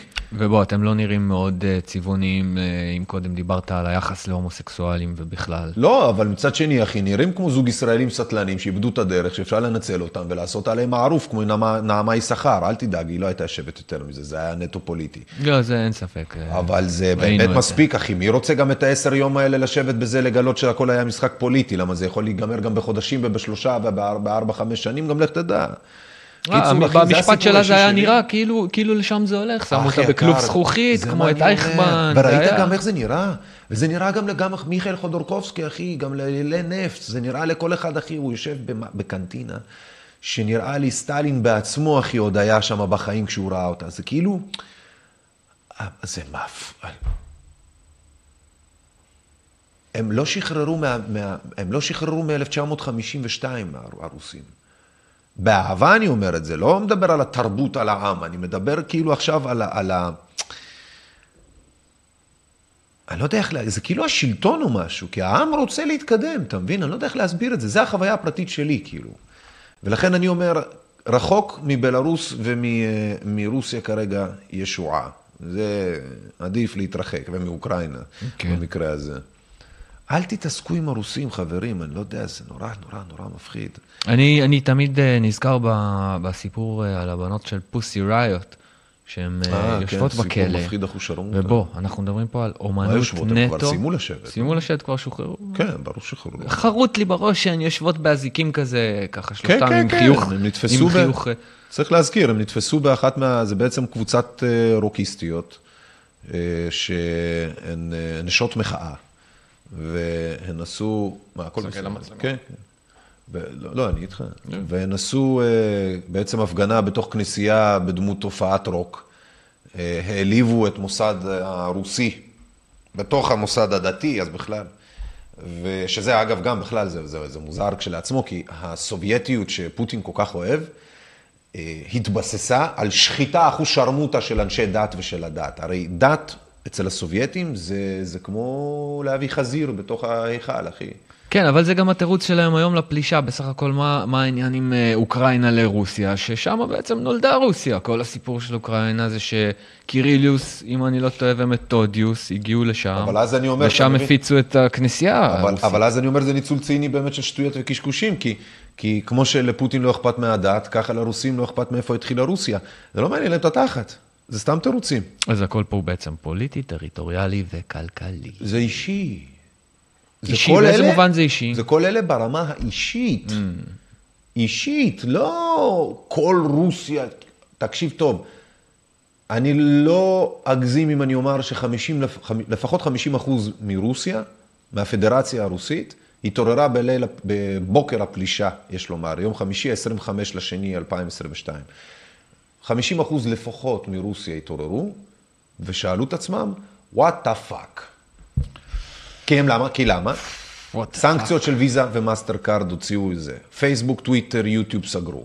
אה, חברות כמו בלייט, לא יודע מה, תקשורת, סוכה וזה סגרו. הכל סגרו, סגרו, סגרו, סגרו, סגרו. תגיד לי אתה עכשיו, באמת אבל. מי נשאר במצב, פוזיציה של אני נלחם, אני עושה פוזות וזה, אם הוא רק מפסיד את התחתונים. אני חושב שפה אפשר להזכיר שפוטין הוא בסך הכל, אה, הוא קצין קג"ב לשעבר, קג"ב יחידה... בוא רגע נסיים את הפואנטה, שמי שהאינטרס שלו להמשיך אחרי כזה פוגרום אחוז שרמוטה, זה מי שמרוויח מזה. אתה מכיר מישהו שחותכים לו ידיים רגליים והוא ממשיך לעמוד? ומי שממשיך לעמוד חתכו לו ידיים רגליים? אולי ידיים, רגליים לא. אתה מבין? כאילו, למי חתכו בסוף את הידיים ואת הרגליים בסנקציות האלה? לאזרחים. ומה הם היו? מה, מה החטא שלהם? כמו גם אגב של אוקראינים. לאזרחים משני הצדדים, עד כמה בטח, שאני אבל מבין. בטח, וזה מה החטא של שני הצדדים. של, אגב, כל עמי העולם שחוסים תחת אותם החוקים, כן? הם ישנו על האף. הם לא היו מעורבים בעובדה שכל אלה שהם שילמו ומשלמים להם את המיסים כדי שיעשו בשבילם דברים, בעצם בכל השנים האלה גנבו אותם ורימו אותם, תוך כדי משחק חתול לעכבר של זה אבל- שמאל, זה ימין, אבל זה ימין, אנחנו רואים את זה שמאל. בכל שלטון שהוא נכון. מתמשך מדי, שבסופו של דבר השליט שולט כל כך הרבה זמן, שהאזרחים כבר מפחדים להתבטא נגדו, והוא אפילו מקבל, שוב, דיברנו תמיד על פולחן האישיות, הוא מקבל איזושהי הילה של אל, שאסור לצאת נגדו ואסור לפעול נגדו. כן. ובקטע הזה אולי, זה בדיוק מה שרציתי להגיד קודם על פוטין, שהוא מרגיש את עצמו כגואלה יודע, של בוא- התרבות הסובייטית ושל... בוא רגע ניתן ריקאפ לאנשים שמצטרפים אולי וצופים. אנחנו היינו אמורים להיות, זיו פה בזה, בהובלה, ואני פה על המשני. אני הייתי אמור להיות עכשיו בעצם, לא עכשיו ספציפית, אבל עד לפני זמן מה, הייתי אמור להיות בעצם באזור אוקראינה, כדי לחלץ עוד איזושהי תינוקת, שכרגע אה, לא הצליחו להוציא אותה מקייב. היה איזשהו ניסיון, אנחנו אמרנו, אנחנו, שאנחנו בדרך לאסוף אנשים אחרים, ואנחנו ננסה, ויש חלון זמן, ואם היה ובאמת בחלון הזמן הזה יקרה משהו, אנחנו שם, אם היה ולא, אנחנו חייבים להמשיך כדי לאסוף ולהציל את האחרים. אתם רואים בינתיים פה את הצילום שעשיתי מהגופרו שרתומה לי לבית החזה.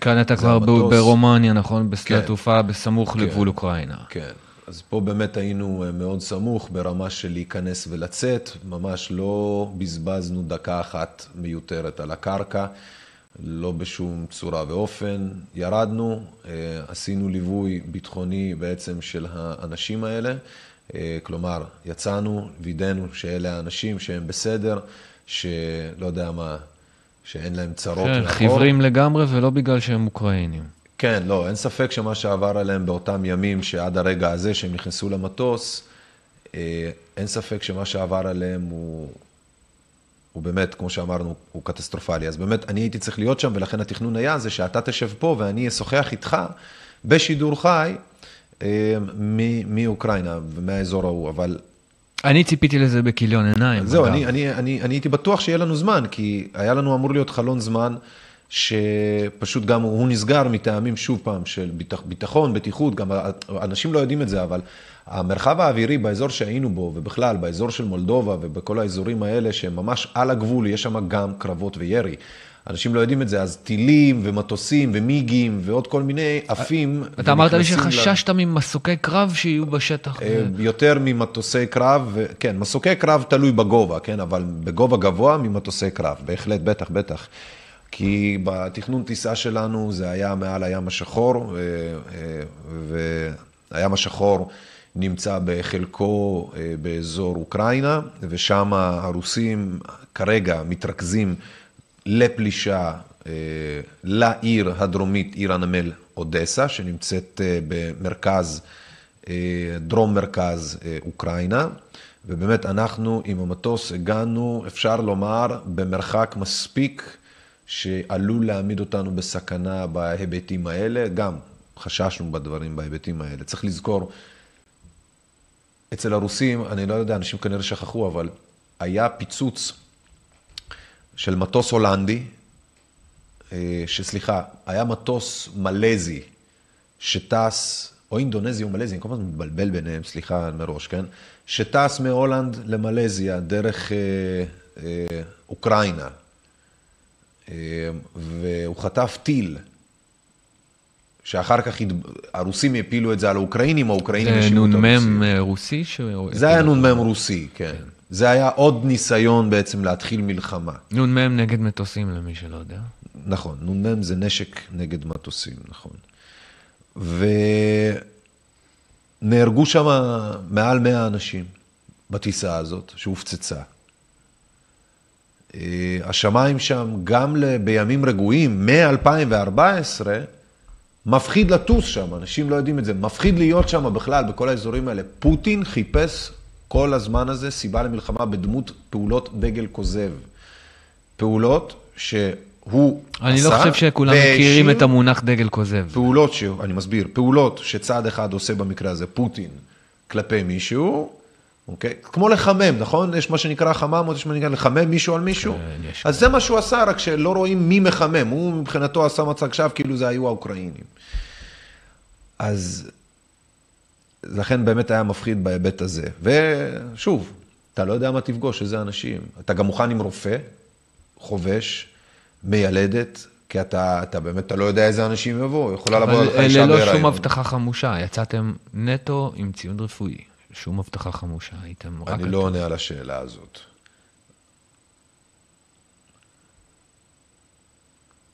היינו מאוד אה, יעילים. אני מתאר לעצמי. גם כי לא היינו, גם כי התכנון לא היה להיות בשום... אה, התכנון היה לא להיות בשום מגע עם אף אזרח של אף מדינה בשום שלב. זאת אומרת, נטו... מה שבלתי נמנע כמובן בשדות התעופה, הרשויות. לא, הפוך, גם בשדות תעופה זה לא, זה, זה לא לא בלתי נמנע, זה אתה יכול, אתה, אתה לא צריך להיפגש face to face עם אף אחד. אתה בסך הכל אה, צריך לקבל אה, את, ה, את המחולץ, וזהו, כאילו, מן הסתם, לפי רגוע, שקט וזה, אז אתה בוחר את הפעולות שלך, אבל הרצון שלנו היה מינימום חיכוך עם הבחוץ, כאילו. מינימום, גם כדי שלא יעקבו אותנו, שלא יהיה זה, היה פשוט יותר מדי פרטים ואנשים שתלויים בטיסות האלה. אגב, הבחוץ מעניין אותי, היה קר מרשק? אפס מעלות, אחי. אפס מעלות. אפס מעלות, וזה זה צהרי היום לצורך העניין. אפס, אפס מעלות. אנחנו, אנחנו בארץ, כן, היום היה, אם לא טועה, 26 מעלות, אחי. קיץ החולמניוקי. אביב, אביב, מרץ, תחילת מרץ. אביב, כן. מתקרב האביב. כן, אז שמה זה לא מינוס שמונה, זה אפס. באביב. כמה נעים. בוא נאמר, שהיה מצחיק, אחי, דיברתי ככה, דווקא היה נראה שאתה יציב מאוד עם המצלמה שם, אני אפילו רואה עוד אחי, איזה הייתה קטע. בטח הזה. אני לא, לא החזקתי אף מצלמה היום. הכל זה, אני בעצם, יש לי מצלמה רתומה ברתמה מיוחדת לבית החזה. שיושבת לי פה על הסטרנום. והאיכות... אה, זה איחוד הצלה, זה הרופא, זו המיילדת. כאמור, אמרנו, זה כבר בנקודה האחרונה, סופית. עבודת קודש, ממש כל הכבוד להם. אה, זה באמת אחרי יום ארוך, החולמניוקי. פה כבר באמת כולם עייפים.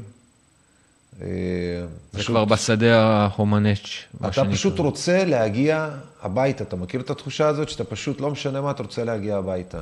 מכיר אותה טוב. כן, כן, כן. חלקים מאיתנו עוד לא הגיעו הביתה אחרי כל השנים האלה. זה נכון. אה, אז זהו, אז בשביל זה אני, זה היה הריקאפ הקצר, שזה מה שעשינו, אה, וזה למה אתה יושב פה ולמה אני, אה, השידור נקרא שיחה מאוקראינה, זה- מה שהיה אמור לקרות, בסוף אני עושה אותה מכאן. אני אוהב את התפקיד הזה שלה לראיין אותו הפעם. זה נחמד? כן, זה נחמד. זה נחמד, זה. נחמד. אתה גם מרואיין טוב בסך הכל. כן, אתה בסך הכל גם עושה את העבודה נחמד, אתה שואל שאלות נחמדות. אתה שואל שאלות של בן אדם שמקשיב לשאלות שהוא שואל, זה חשוב, כי הרבה אנשים, הם, קשה להם לעשות, כאילו, הרבה אנשים, העובדה שיש פה את כל מה שיש פה, מפחיד אותם. מפחיד. אנשים לא רואים את. הזווית של איך, ממה שנניח. אני רואה, זה מפחיד. זה מפחיד, זה מפחיד. זה מפחיד מה שהולך כאן. יש פה הרבה ציוד, הרבה כפתורים ללחוץ, וקל לפספס ולשכוח. מעבר לציוד, יש לנו צופים, והצופים האלה הם גם מי שתומכים בנו, ומאפשרים נכון. לנו את כל מה שאנחנו עושים נכון. פה, והצופים הם מי נכון. שאנחנו נותנים להם בסופו של דבר את הדין והחשבון. בין היתר. אה, בעיקר ואנחנו- לעצמנו. זה נכון, זה נכון, אבל אנחנו כאן בזכותכם ובשבילכם. זה נכון. וזאת ההזדמנות באמת להודות לכל הצופים שלנו, ועל התמיכה שלכם לאורך כל השנים. אמת. תזכרו ממי שמעתם קללות ברוסית לראשונה. יכול להיות יגידו לך עוד מסמיון, אחי, לך תדע, אבל הם לא יודעים שאני איתי. איי, נו באמת, אני יודע באיזה גיל אתה מקלל. כן, זה נכון, זה נכון. עובדתית, אני מקלל כל כך... אתה זוכר, השידור הראשון שעשיתי אי פעם, התלונה העיקרית שחזרה שם, זה שאני אפסיק לקלל. אני כבר אז... והיום אנשים. פשוט שואלים, מה קרה, למה הפסקת לקלל? בין היתר, אבל לא, יש כאלה שגם אומרים, עזוב קללות, לא מתאים, אי אפשר לחלק, אי אפשר לשתף, אי אפשר לחלק. אני מבין אותם, אני באמת מבין אותם. טוב, אז, אז רגע בלי קללות, אם אנחנו רוצים uh, לסכם את היום הזה שעבר על עיתונות אזרחית, uh, בוא תן לנו שוב סקירה של מה בדיוק עברת היום, למה ומתי. לא, אחי, אני חושב, מה, עוד פעם, עכשיו לפני רגע עשינו. למי. שהצטרף אלינו עכשיו, אה, בגדול. לא, לפני רגע עשינו. בסדר גמור. לפני רגע עשינו, אני חושב. לא, מספיק. הריקאפ, מה שנקרא. יש שאלות מה- מהיוטיוב? אלונה שואלת למה הם בלי מסכות. ובכן, אלונה, אגב, אתם יודעים כמה... למה הם עם מסכות, סליחה. עשיתי בדיקה אתמול בלילה, פעם ראשונה בחיים שלי. PCR כזה, שבאים ועושים ותוקעים באף. אני יודע שזה היה לך קשה ברמת העיקרון, ושנפנפת את זה אך קשה? ורק בגלל המטרה אתה יודע מה היה לי קשה באמת בבדיקה הזאת? מה באמת היה קשה? העובדה שאף אחד מהמפגרים שעושים את הדברים האלה, הם לא מבינים כמה הם בעצם חלק מפשע אחושרמוטה. הבנאליות, וכמה זה כבר השתרש כאילו, אתה, אתה תופס את הראש ואני אומר, תגיד, זה נראה לך הגיוני כל הבוכלטריה הזו שעכשיו קורית פה, כל ה... אין לזה שום צורך whatsoever, ואתה גם צריך לראות, אחי, את הסרבול שיש בחרא הזה, הטפסולוגיה. ה- גם תקשיב, הטקס המטומטם הזה, שהוא לובש לי סינור של מנתחים, תכלת כמו באמת בחדר ניתוח. שם כפפות, כמו בחדר ניתוח. שם לי כזה, תקשיב, אחי, אני לא צוחק איתך, כאילו תלשו מישהו מחדר ניתוח. והוא בא והוא עם לי- הציוד ה- הכי פח שיכול הכי להיות פח בעולם. שיכול להיות, והוא בא עם קלקר מגעיל כזה של ה... אני הולך, של הגלידות. בא, פותח, שם, ואין שם כלום קר, אחי, סתם קלקר. למה קלקר? לא יודע, מה, למה אתה שם קלקר? למה אתה תביא קופסה, אחי? מה אתה משחק לי? זה הוליווד, קוראים לזה הוליווד. והוא בא ובודק לי, והוא משחק לי שם, ומנדנד לי, ומגרבץ לי, ואתה יודע... למזלנו היום, ומזל שחיכיתי עם החרא הזה כמה שנים, הם עושים את זה פחות אגרסיבי, כן? הם שמים לך את זה קצת בנחיר, קצת בפה, וזהו. כאילו. זה אחרי שאנשים מתו, כי דחפו להם את המטוש לתוך המוח. עזוב, אני אמרתי להם בפשטות, אתה מבין שאם כל השנים האלה אתה שם בעצם אה, מסכה מפני מוכתות ורוק, ואתה מתרחק ממישהו בגלל מוכתות ורוק, אבל אתה צריך fucking לתקוע לי זבל לתוך הפרצוף כדי לנסות להוכיח שיש לי משהו, אז או שאין לך רוק והמוכתות לא עושות שום דבר, או שבעצם הדחיפה שלך לא מגלה כלום. כאילו, זה מדהים, אה? כן, אני לא, אני לא חושב שיש לנו איך להסביר בהיגיון את מה שעושים לנו היום במדיניות הקורונה בכל מדינה בעולם. ואתה יודע איך אני מסתכל על זה? שאם הם היו הטייסים שלי, המטוסים היו מתרסקים. אני לצורך הגילוי הנאות לא יודע איך זה נראה, כי אני בחיים שלי לא נבדקתי. לא, תחשוב על. ההיגיון של בן אדם שעושה משהו שאין בו שום היגיון, והוא בכל זאת עושה אותו. זה כמו טייס שיעשה משהו שהוא לא הגיוני בעליל, אמרת בנאליות, לא. אמרת בנאליות. מה זה הדבר הזה? אז לא רק זה, עשיתי בדיקה בשביל פחות מ-24 שעות, כאילו, ואז כשחזרתי, עכשיו תחשוב על זה, אחי, אנחנו במטוס פרטי. זה אנשים שצריכים, מקבלים בעצם, מי שלא טס במטוס פרטי, גם אם טסתם business, לא משנה, first class, לא חשוב, אין, אתם לא מכירים את השירות שמקבלים כשאתה טס, אה, זה משהו אחר לחלוטין. זה כאילו חבר שלך הוא הבעלים של בן גוריון, זה בערך מה שזה. ולמרות כל זה, הם בשיא הנועם, בשיא הזה, אה, יש פה בדיקה רק שאתה צריך לעשות, איזה בחורה נחמדה תעשה לך. וזה נטו איסוף DNA, באימא שלי, זאת אומרת, זה מה שזה מרגיש, שזה נטו איסוף DNA. אין לנו אינטרנט גם כדי להיכנס ליוטיוב. כנס ליוטיוב, בבקשה. בבקשה. בוא ניכנס ליוטיוב. אני גם אה, אשמח אם תרענן לראות את התגובות, לראות אם הצטרפו אנשים, אני שאלות. כן, היום יש אה, הרבה צפיות, אה, מאה. אה, בוא רגע נראה, יש לנו את זה בכלל ביוטיוב את השידור? אה, כן, יש לנו. אה, יש לנו איזה 110 צופים פה. אה, לא ידעתי. איזה הפתעה. אז אה, יפה, תודה רבה שאתם יפה, צופים. אוקיי. אז יש פה מלא שאלות, אחי. תמצא משהו רלוונטי, אם יש לאנשים לשאול. זה חשוב. משמח מאוד. איזה כיף זה שעובדים שניים, זה יותר קל. הכנו שנית, אבל אני אשמח שתמשיך אה, מאיפה שהפסקת. על מה דיברנו? דיברנו על הבדיקות של... אה, כן. על הבדיקות, נכון, סורי. אה, אז הבדיקות האלה, בקיצור, כשחזרתי, הם רצו לתקוע לי עוד בדיקות, למרות שאמרתי להם, אבל אין היגיון בזה, אין היגיון בלהט. הם אומרים לי, אבל צריך, והם מבינים, והם מסתכלים עליי, והם כולם לגמרי מבינים, והם מסכימים, אז הם כולם, בקיצור, זה, אתה רואה את זה, אתה באמת, לא, לא נעים לי, אבל רק מטומטמים מסוגלים לקבל משהו בהבנה מלאה שזה מה שזה, בלי לומר משהו כנגד. רק מטומטם, כאילו, באמת. אני, אני, מזל אבל שהחשיבות של מה שעשינו הייתה כל כך חשובה, באמת. כי אחרת אני, לא יודע, אני הייתי מתפוצץ, כאילו, לא, באמת, כאילו... אה, אתה דווקא היית מאוד סבלני לאורך כל התהליך כן, של מהרגע של שהבנת אחותי. שאתה טס ועד הרגע שחזרת. אחי, אתה היית מאוד כמה- ממוקד מטרה, אני יכול להגיד בתור מי שראה אותך מהצד, היית ממוקד מטרה, אחי, ידעת בוא, לאן אתה בוא נוסע. נשים דברים על דיוקם. בוא, בוא רגע נכמת את זה ב, ב, ב... אתה יודע מה? בוא נכמת בכסף. ביבש. אתה יודע כמה טיסת חילוץ כזאת היא עולה, אחי? אני, אני, רק הטיסה, רק הטיסה, לא השלבים לנו. האחרים, אחי. ספר לנו. אני יכול להגיד שזה שווה, שווה ערך לבערך באזור ה-700-800 אלף שקל, ואני מדבר פה על פחות מיממה. כמובן באזור ה-12 שעות, אבל עדיין פחות מיממה, אוקיי? כמעט אתה מיליון מתכוון בכללית, אישו- שקל. הצ'ארטינג של כזה מטוס לצורך העניין, לא העלות שום שלו. צ'ארטינג, שום נעליים. לא, אחי. לצורך העניין, המטוס הספציפי, כדי להוציא אותו, כדי לעשות את הטיימסלוט, כי יש לך מיסים, מיסי נמל, וזה לא מיסים של 100 שקל לכרטיס טיסה, כן? זה מיסי נמל מבעלים של מטוס, כן? זה עשרות אלפי דולרים. כן, היית מצפה שיתחשבו בזה שהמטרה של הטיסה הזאת היא אני אגיד לך, אני הומניטרית? לא אגיד לך שלא התחשבו, התחשבו בכמה היבטים דווקא. אני רוצה לציין שדווקא התחשבו בכמה היבטים. אז בוא, ש- תן את הקרדיט. מי מי שבאמת היה על לא הכיפאק, אתן אפשר לתת לו לא ולהגיד אתן לו. קרדיט. לא אתן קרדיט. לא, ממש לא. זה? רשויות, רשויות. אני לא אתן קרדיט לרשויות, ממש לא. סליחה רגע, אם מישהו עושה משהו באגרוף קפוץ, והוא שם לך שלטים שהוא הולך לפתוח אותו והוא עושה לך בזה טובה וכל מיני כאלה, אחר כך הוא צריך לקבל חיבוק כאילו הוא עשה את זה באהבה וברצון.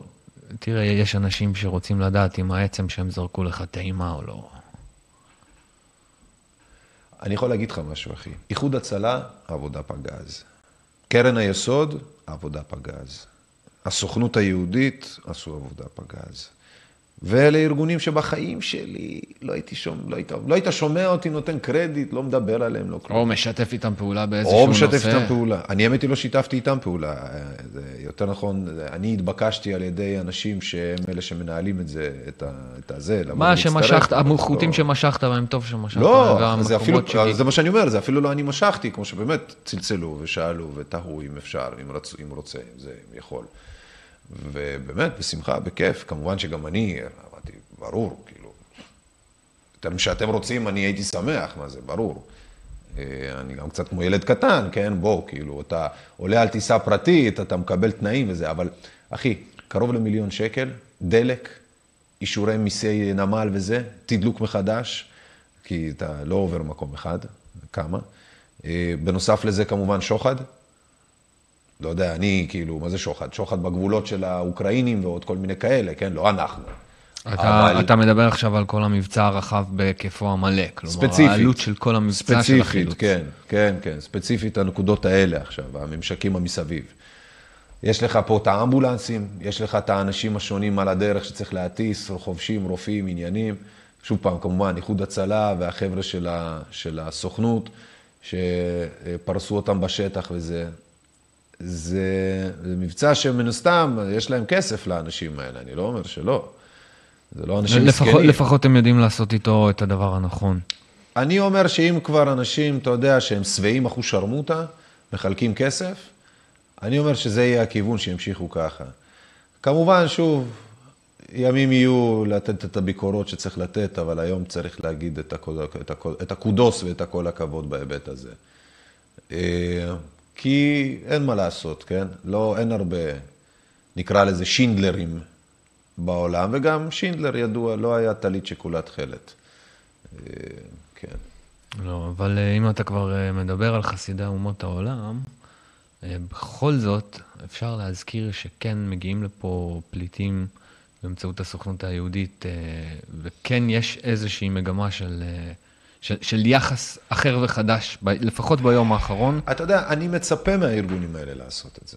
אני לא יודע, אני אומר להם תודה כי באמת מגיע להם, כי אתה יודע, עשו את זה, במקרה הזה הם באמת מגיע להם. כן, למה הקימו אותם אם לא? הם לא עשו את זה באגרוף קפוץ, אני לא רמזתי עליהם חלילה. מכל. לא, לא, זה היה ברור מאוד. אני אומר שבאמת כל הכבוד להם, אבל אני מצפה מהם שיעשו את זה. זה כמו שהשר, אה, שר החוץ, יאיר לפיד, שהקיום שלו בעולם הזה מעניין את הביצה השמאלית, אבל כשהרמנו את הטלפונים, לא, לא, לא, לעובדים שלו, אתה מבין? מי שהיה צריך לעשות מה שהיה צריך לעשות, עוד איכשהו באיזושהי צורה מרשק, עשה את זה. משרד החוץ מתפקד כפי שאתה מבין את זה? יחסית למש- למשבר הזה הנוכחי, משרד החוץ הישראלי, האם הוא מתפקד? אני לא חושב שזה הזמן לומר כן או לא, אנחנו עוד נגלה את התשובות בהמשך, גם כי לא הייתי רוצה לחרבן אולי על עבודה קשה שאנשים עושים, כן יודע שחלקם עושים. אה, האם, לסק... האם אפשר להגיד שהם עושים במלוא הזה? מניסיונך היום. זה לא משרד חוץ. זה שני אנשים בטלפון, שבמקרה הטאגליין של העבודה שלהם זה משרד החוץ. כי כשאנשים שומעים משרד החוץ, הם בטוחים שמדינת ישראל, על כל כובד משקלה ויכולותיה, נמצאים שם כדי לעזור לך. טוב. זו התשובה שלי. אני, אני, אני יודע להגיד לפחות uh, בשלב הזה שזה משרד שמתמודד עם, עם הזנחה קשה מאוד של uh, עשור שלם. תגיד לי, אתה מוכן להפסיק להגיד, מה, זה משרד ש, שסובל, תקשיב טוב, מחוסר קיום של האיבר חשוב וחיוני מאוד לפעולה ונקרא ראש. ואני לא מדבר על לפיד כראש, אני מדבר בכלל על ראש פיזי. אין להם שם שום יכולת לתפקד. אז, אז אני טוען שזה משרד שפיזרו מלבד- אותו וביזרו אותו מספיק בשביל שהוא יהיה באמת קצת אימפוטנטי יחסית למשרד חוץ. תקשיב, אני, באמת, אני מסתכל על זה בצורה אחרת. אתה יודע, אני הייתי פליט מספר פעמים בחיים שלי. לפחות, לפחות את הפעם האחת שכילד, כן? אבל הפעם השנייה, אני לא אשכח את הפעם הזאת, блядь. אני יושב בברלין, תקוע בלילה, блядь, מנסה לצאת מאיפשהו לאיפשהו. אין כסף, אין שקל, אין כלום, אחי. אף אחד לא מכיר אותי, אני לא מכיר אף אחד, אחי. לבד בעולם, אין טלפון, אין תקשורת, אין כלום. ואני צריך לעלות לאוטובוס, שפתאום מסתבר שהיה איזו תקלה או משהו, והשם שלי אפילו לא מופיע שם. הוא אומר לי, הנהג, סורי, אופס, אנחנו צריכים לנסוע. אתה צועק לעזרה. כאחרון האנשים שבאמת נופלים לצרה, אתה צועק אמיתי, אתה פשוט קמתי ואמרתי, "חב- אני, אני מתחנן לעזרה ממישהו מכם, ממש ככה. ועזרו לי. ואתה רוצה לשמוע משהו, אחי? אני גר 30 שנה במדינה הזאת ואני צועק עזרה, אחי, ואף אחד לא בא לעזור. ואני מדבר איתך כחייל, ואז כילד, ואז, אתה יודע, כ... במיליון כובעים, ואני לא לבד, ואני לא לבד. אתה מכיר את המצוקות של חיילים בצה"ל. ואני יודע ובאמת, שבסוף אה, זה שניים, שלושה אנשים באיזה טלפון מסריח, שמצליחים לחבר נקודות בהצלחה לכדי פעולה מוצלחת. זה שחלק מהם יושבים במשרד החוץ ומגיע להם כל הכבוד, כן מגיע להם כל הכבוד. להגיד שזה משרד החוץ,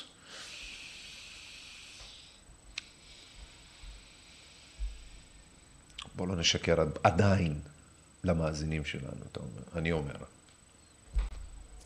אני לא זוכר מתי שיקרנו להם אי פעם.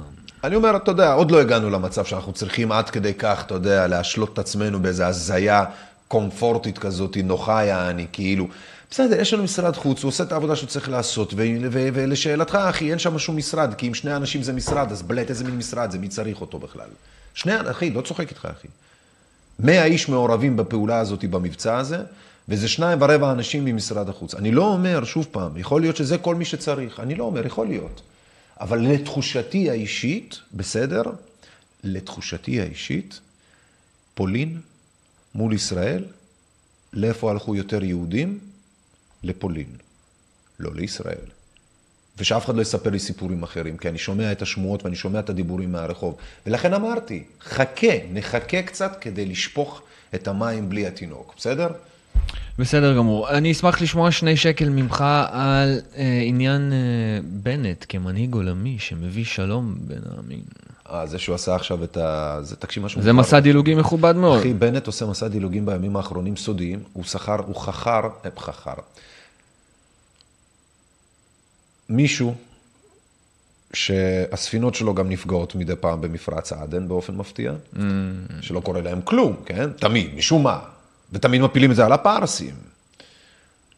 הוא זה שנתן את המטוס שלו גם הפעם למוסד, שנתן אותו לראש הממשלה, או יותר נכון, מה זה נתן? שראש הממשלה, שהוא הבעלים והבוס, יותר נכון, של המוסד, לקח את המטוס הזה וטס איתו בשושו ביום שבת. בעצם בזה הוא מבטא פיקוח נפש, דתי, שמחלל שבת זה רק יכול להיות בפיקוח נפש, אלא אם הוא החליט לתלות את הציציות, מה שנקרא. הקטע הזה עם הפיקוח נפש והשבת, זה ממש תפס כותרות, כאילו זה באמת משנה אם יצאת בשבת או לא בשבת. זה משנה. למי? אתה צריך להבין משהו. זה משנה באינטרפטציה של, הד... של מה הוא הלך לעשות שם. בשאלה מה הוא הולך לעשות שם, נשאלת השאלה מתי הוא נסע לשם, אוקיי? עם מי הוא נסע לשם, איך הוא נסע לשם, אוקיי? למי הוא נסע, כשאתה אומר לשם, מה זה לשם? זה... בוא, הוא היה אצל פוטין, הוא היה אצל קורץ. מוסד? הוא דיבר עם אה, זלז... אה, ז- זלנסקי. זלנסקי אז רגע. אז מוסד, מטוס מוסד, טיסת שבת, ביקור אצל שני אנשים במלחמה אחושרמוטה, אוקיי? אה, ביחד עם, אה, עם אלקין, זאב אלקין היה זאב איתו אלקין. בכל הסיפור הזה, כן, ותרגם עבורו את... כן, אה, למיטב. הבנתנו הוא גם ידיד זה- קרוב של פוטין. כן, עזוב, זאב אלקין הוא לא ידיד קרוב של אף אחד. זאב אלקין, אתה רואה את האף שלו, אחי? אתה- ראית את האף של זאב אלקין, אחי? זה התפקיד של זאב אלקין, להיות האף. אוקיי? follow the nose because the nose knows. בדיוק. תעקוב אחרי האף, כי האף עף. כי הוא יודע. לא, הוא עף. על עצמו. עף על עצמו. בעברית, אתה יודע, ב- עף ב- עף. במקרה של, תראה, במקרה של, אה, של אלקין באמת אה, ראינו אותו גם בליכוד וראינו אותו גם עכשיו אה, במקום החדש שהוא נמצא בו. אלקין... ללקלקין, אחי. בוא, ללקלקין, אלקין אחי. באופורטוניזם בלי שום ספק, ובכל זאת נעשה משהו, ואנחנו כן. רוצים, ל... כן, אני חושב שיש פה סיבה לדאגה. רוצים לקוות, אנחנו רוצים לקוות. אני חושב שיש פה סיבה לדאגה לציבור הישראלי. אני חושב שהציבור הישראלי צריך לדאוג מכמה דברים, בעיקרם שני דברים שצריך לשים לב. בנט הוא סמרטוט בובה. אם, אם פוטין הגיע כבעל בית בשנת 2000 וניהל ומנהל את רוסיה כבעל בית עד היום, אין כזה דבר אצל בנט. בנט הוא לא בעל בית של כלום וגורניץ' זה שום דבר גם.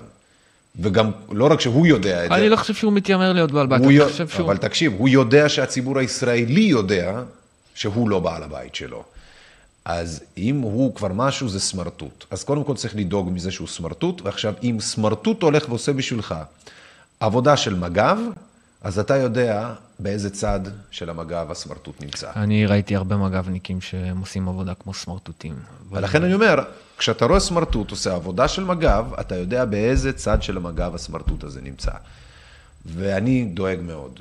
כי זה אומר הרצפה מלוכלכת. כי לא רק שהרצפה מלוכלכת, הניגוב של הרצפה הזאת זה לא כתמים, זה ברזלים, זה טנקים, גופות, שטיפה בדם. זה שטיפה בצמא, בציוד מכני הנדסי, בתחמושת ובעוד בל... בדברים שיעלו בחיי אדם, נקודה, לדעתי האישית. הביקור של בנט, שהוא עשה, המשמעות שלו הארוכה יותר, גם אם זה יהיה בעוד שלוש שנים, וזה נשמע כמו כלום זמן מצד אחד, זה הרבה במונחים צבאיים, זה יכול להיות הקפוט של מדינת ישראל, ומי שאומר לי, מה הוא מדבר זה, וכל מיני כאלה, אני מזכיר לרבים שאת הריבונות שלנו איבדנו מזמן, וכבר הבאנו, לה, את ה... עשינו את ה-rest in peace, עשינו את הטקס השכבה. עכשיו זה רק נותר הקלחוז, השטח הפיזי. יש, יש ביקוש בעולם לנשק ישראלי, גם ברמת הסייבר וגם ברמת הכ- אז, אז, אז אין הכטב"מים. מה שנקרא כלי טיס אז, בלתי אז אין מאוישים. בעיה, יש גם ביקוש לחבל המזרחי של אה, אוקראינה אצל הרוסים. אתה, מבין? אז מה זה אומר? שלא יבואו להפגיז את הכוש של האם אימא שלנו עם הביקוש הזה? אני תוהה, אני תוהה, ו- ועוד יותר מזה הייתי רוצה אולי אפילו לשאול, מה, לאן, לאן זה הולך בעצם? עוד כמה זמן אתה נותן לקרבות האלה להימשך? אה, בראות עיניך זה הולך להיגמר בקרוב? אנחנו, לא, לא, שום אנחנו נראה כיבוש מלא של אוקראינה? שום דבר כזה לא נגמר בקרוב, בטח שהוא לא מתחיל לאט והוא לא נגמר מהר. סליחה, הוא לא מתחיל מהר, אלא לאט, והוא גם לא נגמר מהר. ומה ש... מה שיקרה זה שפוטין לא יצא מחוץ לאוקראינה בלי איזשהו ראש של משהו, ליטרת בשר זה נקרא בעברית. אם הוא לא יוצא עם, ה... עם השוק חמור שלו, או העצם ירך של החמור, אני לא יודע איך זה נקרא שם בזה, הוא לא, הוא לא, הוא לא יירג... זאת אומרת, אין בכלל, אין מה להתחיל לדבר על סוף של משהו, עוד לפני שהבן אדם מבחינתו הגיע להתחלה. אתה רואה מצב לחיסול גנרלים כזה, שבאים אליו מקורביו ותוקעים בו סכין? לא, אני לא חושב. אני כן חושב שהבן אדם הזה ירצה לעשות פעולה ש... שוב, הוא במצב קשה מאוד, פוטין. הוא במצב שהוא הוא הכניס את המדינה שלו למצב של צפון קוריאה, שהיא מדינה כאילו כל כך מוקצה, שפשוט אפשר לשכוח מהקיום שלה בכלל. ואז לאנשים, שמי שיחיה שם, וואו, וואו, איזה חיים יהיו לו. אה, הרבה. השוואות לשואה, למלחמת העולם השנייה. ולכן אני אומר שצריך להבין רגע, ה- פוטלר, פוטלר קוראים לו. ה- ה- הקיום של פוטין כרגע זה כדי להביא את המכה הניצחת של תצדיק אותו מול העם שלו. יותר אפילו, לדעתי, מאשר להצדיק אה, את עצמו מול עמים או מול אה, גנרלים אחרים. הוא בקו השפיות, מרשק? ממה שאתה מנתח? אני חושב שאין בן אדם במעמד כמו של פוטין, בעולם בכלל, אגב, גם ביבי הוא כזה, כן? שהוא בקו השפיות. אין דבר כזה. אתה, אתה לא יכול להיות מנותק כל כך הרבה שנים בתוך הסיגרים של מילצ'ן, בשמפניות ובתוך המטוסים הפרטיים והיהלומים, וה, אתה יודע, וה, וה, וה, והמלכות והתחושת הפינס וזה. לגבי נתניהו זה פחות נראה לי מעניין אותו היהלומים יותר. לא, לא סביב- יהלומים, כ- סביבת ה- היהל- לא סביבת התכוונתי- השררה. לא התכוונתי ליהלומים פר סי כ- כן. כאובייקט, אלא כמין חיים כזה של גלם, של, של נוצץ וזה. כאשר הסבל האנושי קורה כפי שהוא קורה, הניתוק, הדיסוס... המין, זה דיספלייסיה, אחי, זה פשוט, כמו יש לנו חבר כזה, שלפעמים כשהוא איתנו, אבל הוא לא איתנו, יש לנו כזה חבר. יש לנו כזה חבר, אתה יודע, אני לא יש חלילה לנו זה. חבר כזה. אנחנו אוהבים אותו, אהבת נפש אמיתית מאוד, נכון, ולא זה- בחלילה... יש לא לנו יותר. מאחד כזה, אגב. כן, שהם קלינית, אנשים שכשהם יושבים איתך בחדר, הם פשוט לא איתך. ואתה יודע, שוב, כאילו, תיתן למישהו כזה להנהיג מדינה, ויהיו תוצאות אשר יהיו, זה לא פה, זה, אל לנו להתפלא שמי שמנותק לגמרי מהסבל של ה... כשפילים מנותקים מהסבל של העשב, אוקיי, הם לא יפסיקו לדרוך עליו, כן? לצורך העניין, בקטע הזה, אני חושב. אני מרגיש כאילו אני בעצמי בטראומה, באימא שלי, ממה שראיתי היום. אני לא מפסיק לדבר, אחי. מתי הפעם האחרונה היה כל כך הרבה מה להגיד? אני מאוד אוהב שאתה נמצא בכיסא האורח, מבחינתי זאת הזדמנות נהדרת, ואני חושב שגם בשבילך זאת אה, הזדמנות... אה, נהדרת, אחי, לחטוף, לחטוף קרחצנים בגב לטובת הכירופרקט. זה, תקשיב, זה באמת, זה... אנשים לא יודעים שבמרחק של שעתיים טיסה מפה, שלוש, זה 1939. עכשיו, אנשים לא מבינים, חושבים שזו סיסמה. תנסו לרגע בבקשה מכם לדמיין, זה לא מבטא את זה אפילו, תאמין לי. זה לא מבטא את זה.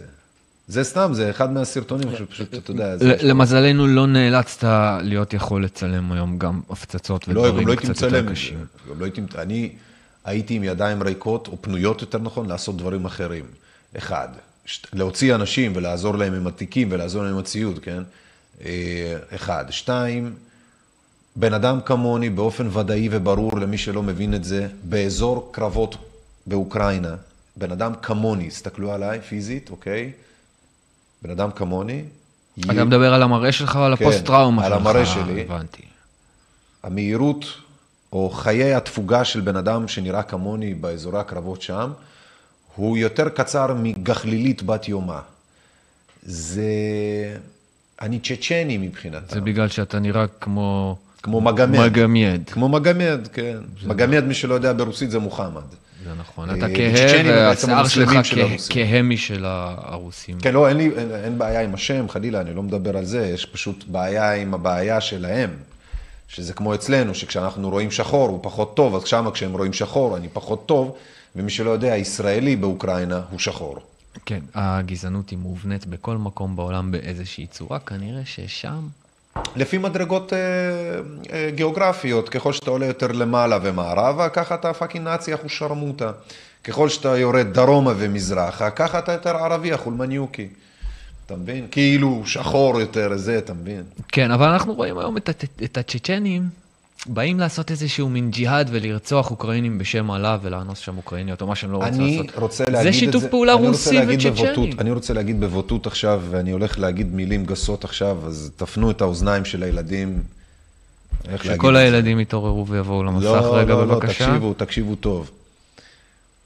הצ'צ'נים האלה, ספציפית, אלה שנמצאים עכשיו בקרבות שבאים עכשיו להתערב בצ'צ'ניה, אלה הכוסיות, תקשיבו טוב עכשיו, שהפסידו לפוטין במלחמה של פוטין בשנת 2000 שם נגד הצ'צ'נים. הם כוסיות, אוקיי? ובגלל שהם הפסידו, ופוטין הצליח לכבוש אותם, אוקיי? זה הסיבה שהם נלחמים עם פוטין. ועם כוסיות, הם אפילו לא שכירי חרב, הם התנדבו לבוא לשם, נכון? עם כוסיות מזוקנות, אני בטח שאני, אין לי מה, מה אני, איזה, איזה דעה אתה רוצה לתת על כוסיות מזוקנות שמשחקות אותה מינימום נינג'ה, אין להם שום ידע בכלום, בלעד. ברנה שחבל על הזמן, אחי. ברנה, אוקיי? עיזות שחבל על הזמן. אלה עיזות שאפילו חלב עיזות לא הייתי עושה. ועם זאת, הכוונות שלהם מחרידות אותי ומגעילות אותי אין להם שום כוונות. נשמה לא, שלי. הם באו לשם לרצוח אורקים. לרצוח אוקראינים בשם אללה. איך אומרים? אורקים, אורק- אורקים. הם- השותפים של. הגובלינים, שזה כן. הטבעות, השחורים האלה עם הריר. what are you talking about? כן, what are you talking about? in the ball in the basket. זה פוטין, כן, בדיוק. זה הרמזן קדירוב הזה, אחי. אתה מבין? Mm. אתה צריך לראות איך הוא מדבר. ההוא חושבים אני בן משפחה שלו, זה לא פחות מזה. אבל הוא באמת, אחי, מה נקרא צ'צ'ני ג'ינג'י, אחי. צ'ג'ינג'י. זה, זה מדהים אותי, ה- איך שזה מצטלם, איך שזה נראה, איך שזה... אני הייתי הולך לצלם, זה אחי, יורים בי בשתי שניות, אחי. אתה ראית מה עשו לבלונדינים של סקיי ניוז הבריטים? איך צלפו ברבקום הארס שלהם, איך שם דפקו בהם בלב? אני, אני אפילו אם הייתי בא עם שלט, אה, אם, אם הייתי בא עם האפיפיור, אחי, לידי, יד ביד, אה? פאפה רימסקי סוויטו יולד? היו יורים בי מרחוק, אחי, עם טיל שיוט, מורידים אותי בלט כמו איזה סימן במשחק צוללות. זה עד כדי כך, הם ככה לא, לא, לא כל כך מתחברים שם. כן, זה נכון, אתה בהחלט היית יכול להיות חריג בנוף שם, להציל, אני היו צריכים להציל אותי. לפחות פה בישראל, מהניסיון שלי, הם כל הזמן חשבו שאני טוב. הדבר שגרם לי להרגיש הכי בטוח בשטח זה הנוכחות שלך איתנו. אז אה, גם מילה טובה אליך אפשר לתת. תעזוב, מדי פעם. תעזוב, אני ואתה זה מנחוס בקטע הזה, ואתה מחרטט אותם. תעזוב. אתה כל פעם שאני ואתה נפגשים בשטח בלט, זה נגמר באיזה מעצר. יש לנו איזה 11 שנים של פעילות אחרי הכל, אה, פה ושם. אוי ואבוי. אתה יודע מה מצחיק אותי? שגם למנאייק צריך לתת תג. תו מלחמה, אות מלחמה. אתה אומר נעשה. פגישת מחזור עם 2011, נזמין גם את המנאייק. הם כמו גם הבא. היו חלק מהמאבק. הם היו חלק? מהעניין. הם היו חלק מהמאבק. כן, אז אה, אני מזמין את לא כל רק 2011, אם אתם מכירים לא שוטר שעבד 2011. איתנו ב-2011, או נגדנו, אז זה לא רק, זה 2011, זה 12, 13, 14, 15, 16 ו-17, ואפשר גם להכניס, אפשר גם להכניס את 20 ו-21 לתוך הרשימה. עש- אה, 20 בהחלט. כן, 21, אני לא יודע איזה שוטרים התעסקנו. מה? 21 יותר מ-20. 20 ישבו בבית, פחדו, המנאייק בעצמם פחדו לא להתעסק. אמרו, זה מה נכון, אנחנו זה צריכים את החרא הזה, אחי? זה לא נכון. אשכח את זה. אתה יודע, היה לי הכי מוזר. התקופה שבה הכי היה צריך את הסגרים, והכי הפחידו את כולם, וכולם באמת הכי פחדו. כן? לא יצאו מהבית 100 מטר. היו, אני הייתי, כל המדינה, אחי, אני הייתי קילומטראז' блядь, אחי, פעם אחת לא עצר, לא ראיתי אפילו מחסום. הם התעוררו כשהם גילו שאין קורונה. לא משעשע? אבל זה היה די צפוי בסך הכל, אנחנו לא מדברים פה על המוחות הכי מבריקים בישראל. או understatement, אחי, איזה מוחות, פה גם אתה מחמיא להם, מוחות. אוקיי. אוקיי, אני מקבל את בעלי מוח, התיקון. תישארו בבית. אני מקבל את התיקון. בכל זאת, נתקלנו בהם במחסומים, לפחות מי שעלו לבלפור בזמנו. כן. ושוב, אה, אתה יכול להזכיר את המעצר, אם זה מאוד חשוב לך. לא, תקשיב, תקשיב. כל מי שעלו לבלפור בזמנו זוכרים את המחסומים האלה וזוכרים אה, את איזה את מחסומים הקשיחות. תסביר להם? אה, מחסומי ברזל כאלה כמו במועדונים של החתול והכלב בתל אביב. כן. משהו ברזל מפחיד כזה, שאם אתה מתעסק, הוא קוטם לך אצבע במקום, זה נכון, אגב, המחסום בעצמו. הנפגע היחיד זה מחסום מהמחסום עם הזה, זאת הייתה. שוטרת, שהמחסום הזה נסגר עליה בגלל הרשלנות שלהם וריסק לה את הרגל. אה, וכשהתרענו שזה מה שהולך לקרות לאחד המפגינים, אז צחקו עלינו השוטרים. יש לנו פה בדיוק דיווח ועדכון מקנדה. פיליקס מעדכן שיש אה, סנקציות נגד אה, מדענים רוסים שניסו להגיע לאיזה מישהי, לאיזושהי משלחת אה, מדעית בקוטב הצפוני, או לא הבנתי כל כך דרך, דרך קנדה שם, אלסקה, לא יודע, לא הבנתי כל כך. למרות שאלסקה שייכת לאמריקאים בכלל, לא משנה. אז קיצור, הם חטפו קנס של 3,000 דולר קנדי. אה, על היותם רוסים? על היותם רוסים בעצם. מה אתה אומר? תראה, אתה אני... יודע, אני, לא ראיתי, אגב, לא שמעתי על כזה דבר בחיים שלי. ספורטאים, אה, היום גם ספורטאים רוסים אה, זוכים ליחס פחות נוח. אתה, תגיד לי, אתה זוכר מתישהו בהיסטוריה, אפילו אצל הנאצים זה לא קרה. אני לא זוכר שאיך, כאילו, איפה... תראה, אלה, אלה סנקציות שלא נאמרות, זה לא דברים שנעשים ב, ב, בריש גלי, אבל בהחלט כן, בטח. יש מדינות, יש מדינות שלא מקבלים אותם. אולי, אולימפיאדת ברלין, 1936, אם זיכרוני אינו מטעה אותי. סופר נאצים. סופר נאצים, אחי, הנאצים בתפארתם. מקב, אלברט, מקבלים את הרוח ה... אלברט שפר בנה את, ה, את המתחמים, היה האדריכל שאחראי על הבנייה של המתחמים, שרובם לא נבנו, אבל לא סיימו לבנות וזה, אבל לא משנה, חלקם וזה כבר כן השתמשו בהם. ויוזף גבלס הנהיג שם את כל התעמולה שסביב העניין הזה. ושיחקו, אחי, ו- ויספרו לי על פוגרומים נגד יהודים וזה, והמשחקים שוחקו. האולימפיאדה שוחקה. כן. כמו בסוצ'י 2014 עם פוטין. כן. טובח באוקראינים ובמקביל גולש בסוצ'י. עכשיו, למה הרוסים רוצים את סוצ'י? לא העם הרוסי. העם הרוסי חולה על סוצ'י, אבל זה לא אומר שהוא ילך לכבוש, מה לא... אכפת לו שזה יהיה אוקראיני? זהו, אתה יודע, זה מה אני אומר. הם, אף אחד מהם לא היה צריך נשק כדי להיכנס, הם היו צריכים fucking רק לקבוע תור מראש. מה, זה די נופש כל הסיפור הזה של כן, סוצ'י, זה לא? הכפר נופש. אפשר לגלוש שם בסקי בכיף ב... לא, אין, לא. באמת. לא, לא, לא באמת. באמת. זה הכפר הדרומי, שם הכל חם ונעים ביחס לזה. אה? זה נכון. זה כאילו המקום החם ברוסיה, סוצ'י. הם בנו את הכפר האולימפי שם כשבעצם אין על מה, הם החריבו שם עיירה שלמה, והחריבו שם שטחי טונגה, אה, טונגה, לא יודע, טונדרה, טונדרה קפואה כזאת. אבל אה, כאילו אה, שטח שהוא פרא, החריבו קוסוכטו והכל וזה, והיו שם בתים לפני, אבל במין פנג שווי, היו בתים שהתכתבו עם הטבע, וההוא הגיע עם האולימפיאדה, מחק קיבינימט את הכל, בנה כפר אולימפי בשביל שבוע? מה זה היה? בשביל עשרה ימים? עשרה ימים, כן. אתה קולט, אחי? האולימפיאדה מהיקרות ביותר שהייתה בהיסטוריה. כן. התחיל בתקציב אחד, נגמר בתקציב של הו-הו. התחיל בלוח זמנים מצומצם, הפך ללוח זמנים של הו-הו. ואז בעצם מסתבר שהוא הכין את, ה, את הכניסה הקרקעית לאוקראינה דרך, או בעזרת, סוצ'י ככסת"ח. הוא כסתח את הנפח של הכוחות ושל הפעילות, ה, נקרא לזה צבאית שלו באוקראינה, מאחורי המסך הכספי. והמטלה של ביטחון. והמטלה לוגיסטית וזה, של סוצ'י. של אולימפיאדה. מה, אנחנו פה על אולימפיאדה, מה, אנחנו לא בונים פה כלום. אין פה מתקן צבאי, יש פה כפר נופש אה, אולימפי, מה... אתה מבין? מחנה. נופש. מחנה, כן. מחנה עבודה. כן, כן. זה מחנה שתהיה מרוכז, שתהיה בריכוז, מחנה ריכוז. שתהיה מרוכז. כן, שתהיה בפוקוס. מחנה פוקוס. נפגעת? הוסחה דעתך? מחנה ריכוז. יפה, יפה מאוד. אה, מרגיש כלוא בעבודה שלך? העבודה משחררת. זה המנהיגים, זה לא העמים, זה מה שאנשים לא מבינים, זה המנהיגים, זה לא העמים. ביבי הוביל אותנו, זה כמו שאתם יחרבנו עליכם כשאתם הולכים לחו"ל, על זה שאתם רוצחים פלסטינאים בעזה. ואז אתה תופס את הראש, אתה אומר, אני אפילו לא יודע מה זה פלסטינאים בעזה, ואז עוד יותר יצעקו עליך. בקיצור, אתם יכולים עד מחר להאשים את העמים שעושים תמיד את, אותם, את אותו הדבר. רוצים חמשת המ"מים בלי לעבור דרך כאבי ראש של אה, לאומנות. אבל כשצריך לעבור בלאומנות, בוודאי שהם יבחרו את מה שהכי קרוב אליהם ואת מה שהם הכי אה, מכירים. זה לא בגלל שזה יותר טוב, זה פשוט מה שהכי מוכר להם. זהו, זיפקי, אני חושב שחפרנו מספיק. באמת חפרנו מספיק.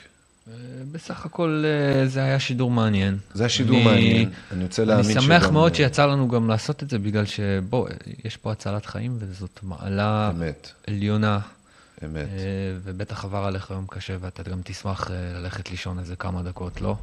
אה, כן, אדרנלין עוד בשיאו, אני חייב לומר. זה נראה לי, אני אסניף שמן, שמן, שמן לבנדר. יוריד אותי בכלל. זה עוזר לך כל ה-80 אחי, היתרים. שמן האלה? לבנדר, שתדע אתה. מעדה אותם, אגב, לא בחלל החדר? לא, כלום, איך שהבקבוקון אתה לוקח, טיפה מורח מתחת לאף, איזה טיפה. אתה אחרי 20 דקות, אם אתה נושם, כאילו, שואל, אה, ככה שלמי שיש בעיות, אני מציע, באמת, שמן לבנדר. משהו כזה. כמו בבית כנסת עם הפלפל הזה. מה זה היה? טבק להסנפה. פופרס, פופרס. מה זה היה הדבר הלגיטימי? זה היה לגיטימי לתת לילדים טבק להסנפה כשהיינו כן, ילדים. כן, זה היה מעורר מאוד. מה הקטע? למה זה היה לגיטימי לתת לילדים? גם אם אתה מתעלף, נותנים לך טבק הרחה כזה, ומעיר אותך, כי זה אני לא חריף הבנתי למה. זה לגיטימי, אני לא אשכח את זה, אם היו נותנים לי טבק להסנפה. אה, זה כי לא ידעו מה זה ווסאבי בזמנו. באיזה קטע זה היה לגיטימי? לא משנה. חברים יקרים, זיווקה, עבודה יפה. אני ברשותך אעשה את זה בעצמי הפעם. כן, תודה רבה. תודה רבה לכל הצופים שלנו שהיו איתנו היום ושאיתנו לאורך כל הדרך. התמיכה שלכם זה באמת מה שמאפשר לנו לעשות את כל הדברים החשובים שאנחנו עושים פה. מודים לכם ונתראה גם בהמשך השבוע הזה. אמת. המשך לילה טוב ותודה רבה. תודה, תודה. אה, אין לנו, אין לנו קיו אה, כי אין אינטרנט, נכון. אבל, אה, אבל- אבל אנחנו עדיין אוהבים אתכם מאוד. זה ומקצוע. נכון. זה נכון, אין לנו קיו. אבל מה אפשר לעשות? רגע, יש לי רעיון. עם התמונות מאוקראינה ניתן להם ללכת. מה, עם התמונות מאוקראינה? אני, אני חושב שכן, מגבול כן? אוקראינה. רק בשביל ככה לשמח. הבנתי, רק בשביל הסיומת. אה, לא, אתה יודע מה? לא, לא, כדי שזה לא יהיה כאילו זה המשך של השידור. בוא פשוט נעשה, בוא נכניס צילום, בוא נראה איך זה עובד, בוא נכניס צילום, בוא נכניס את הצילום של השידור, את את השעה הד- של השידור. תעשה. add input מצד שמאל למטה, בפינה. input.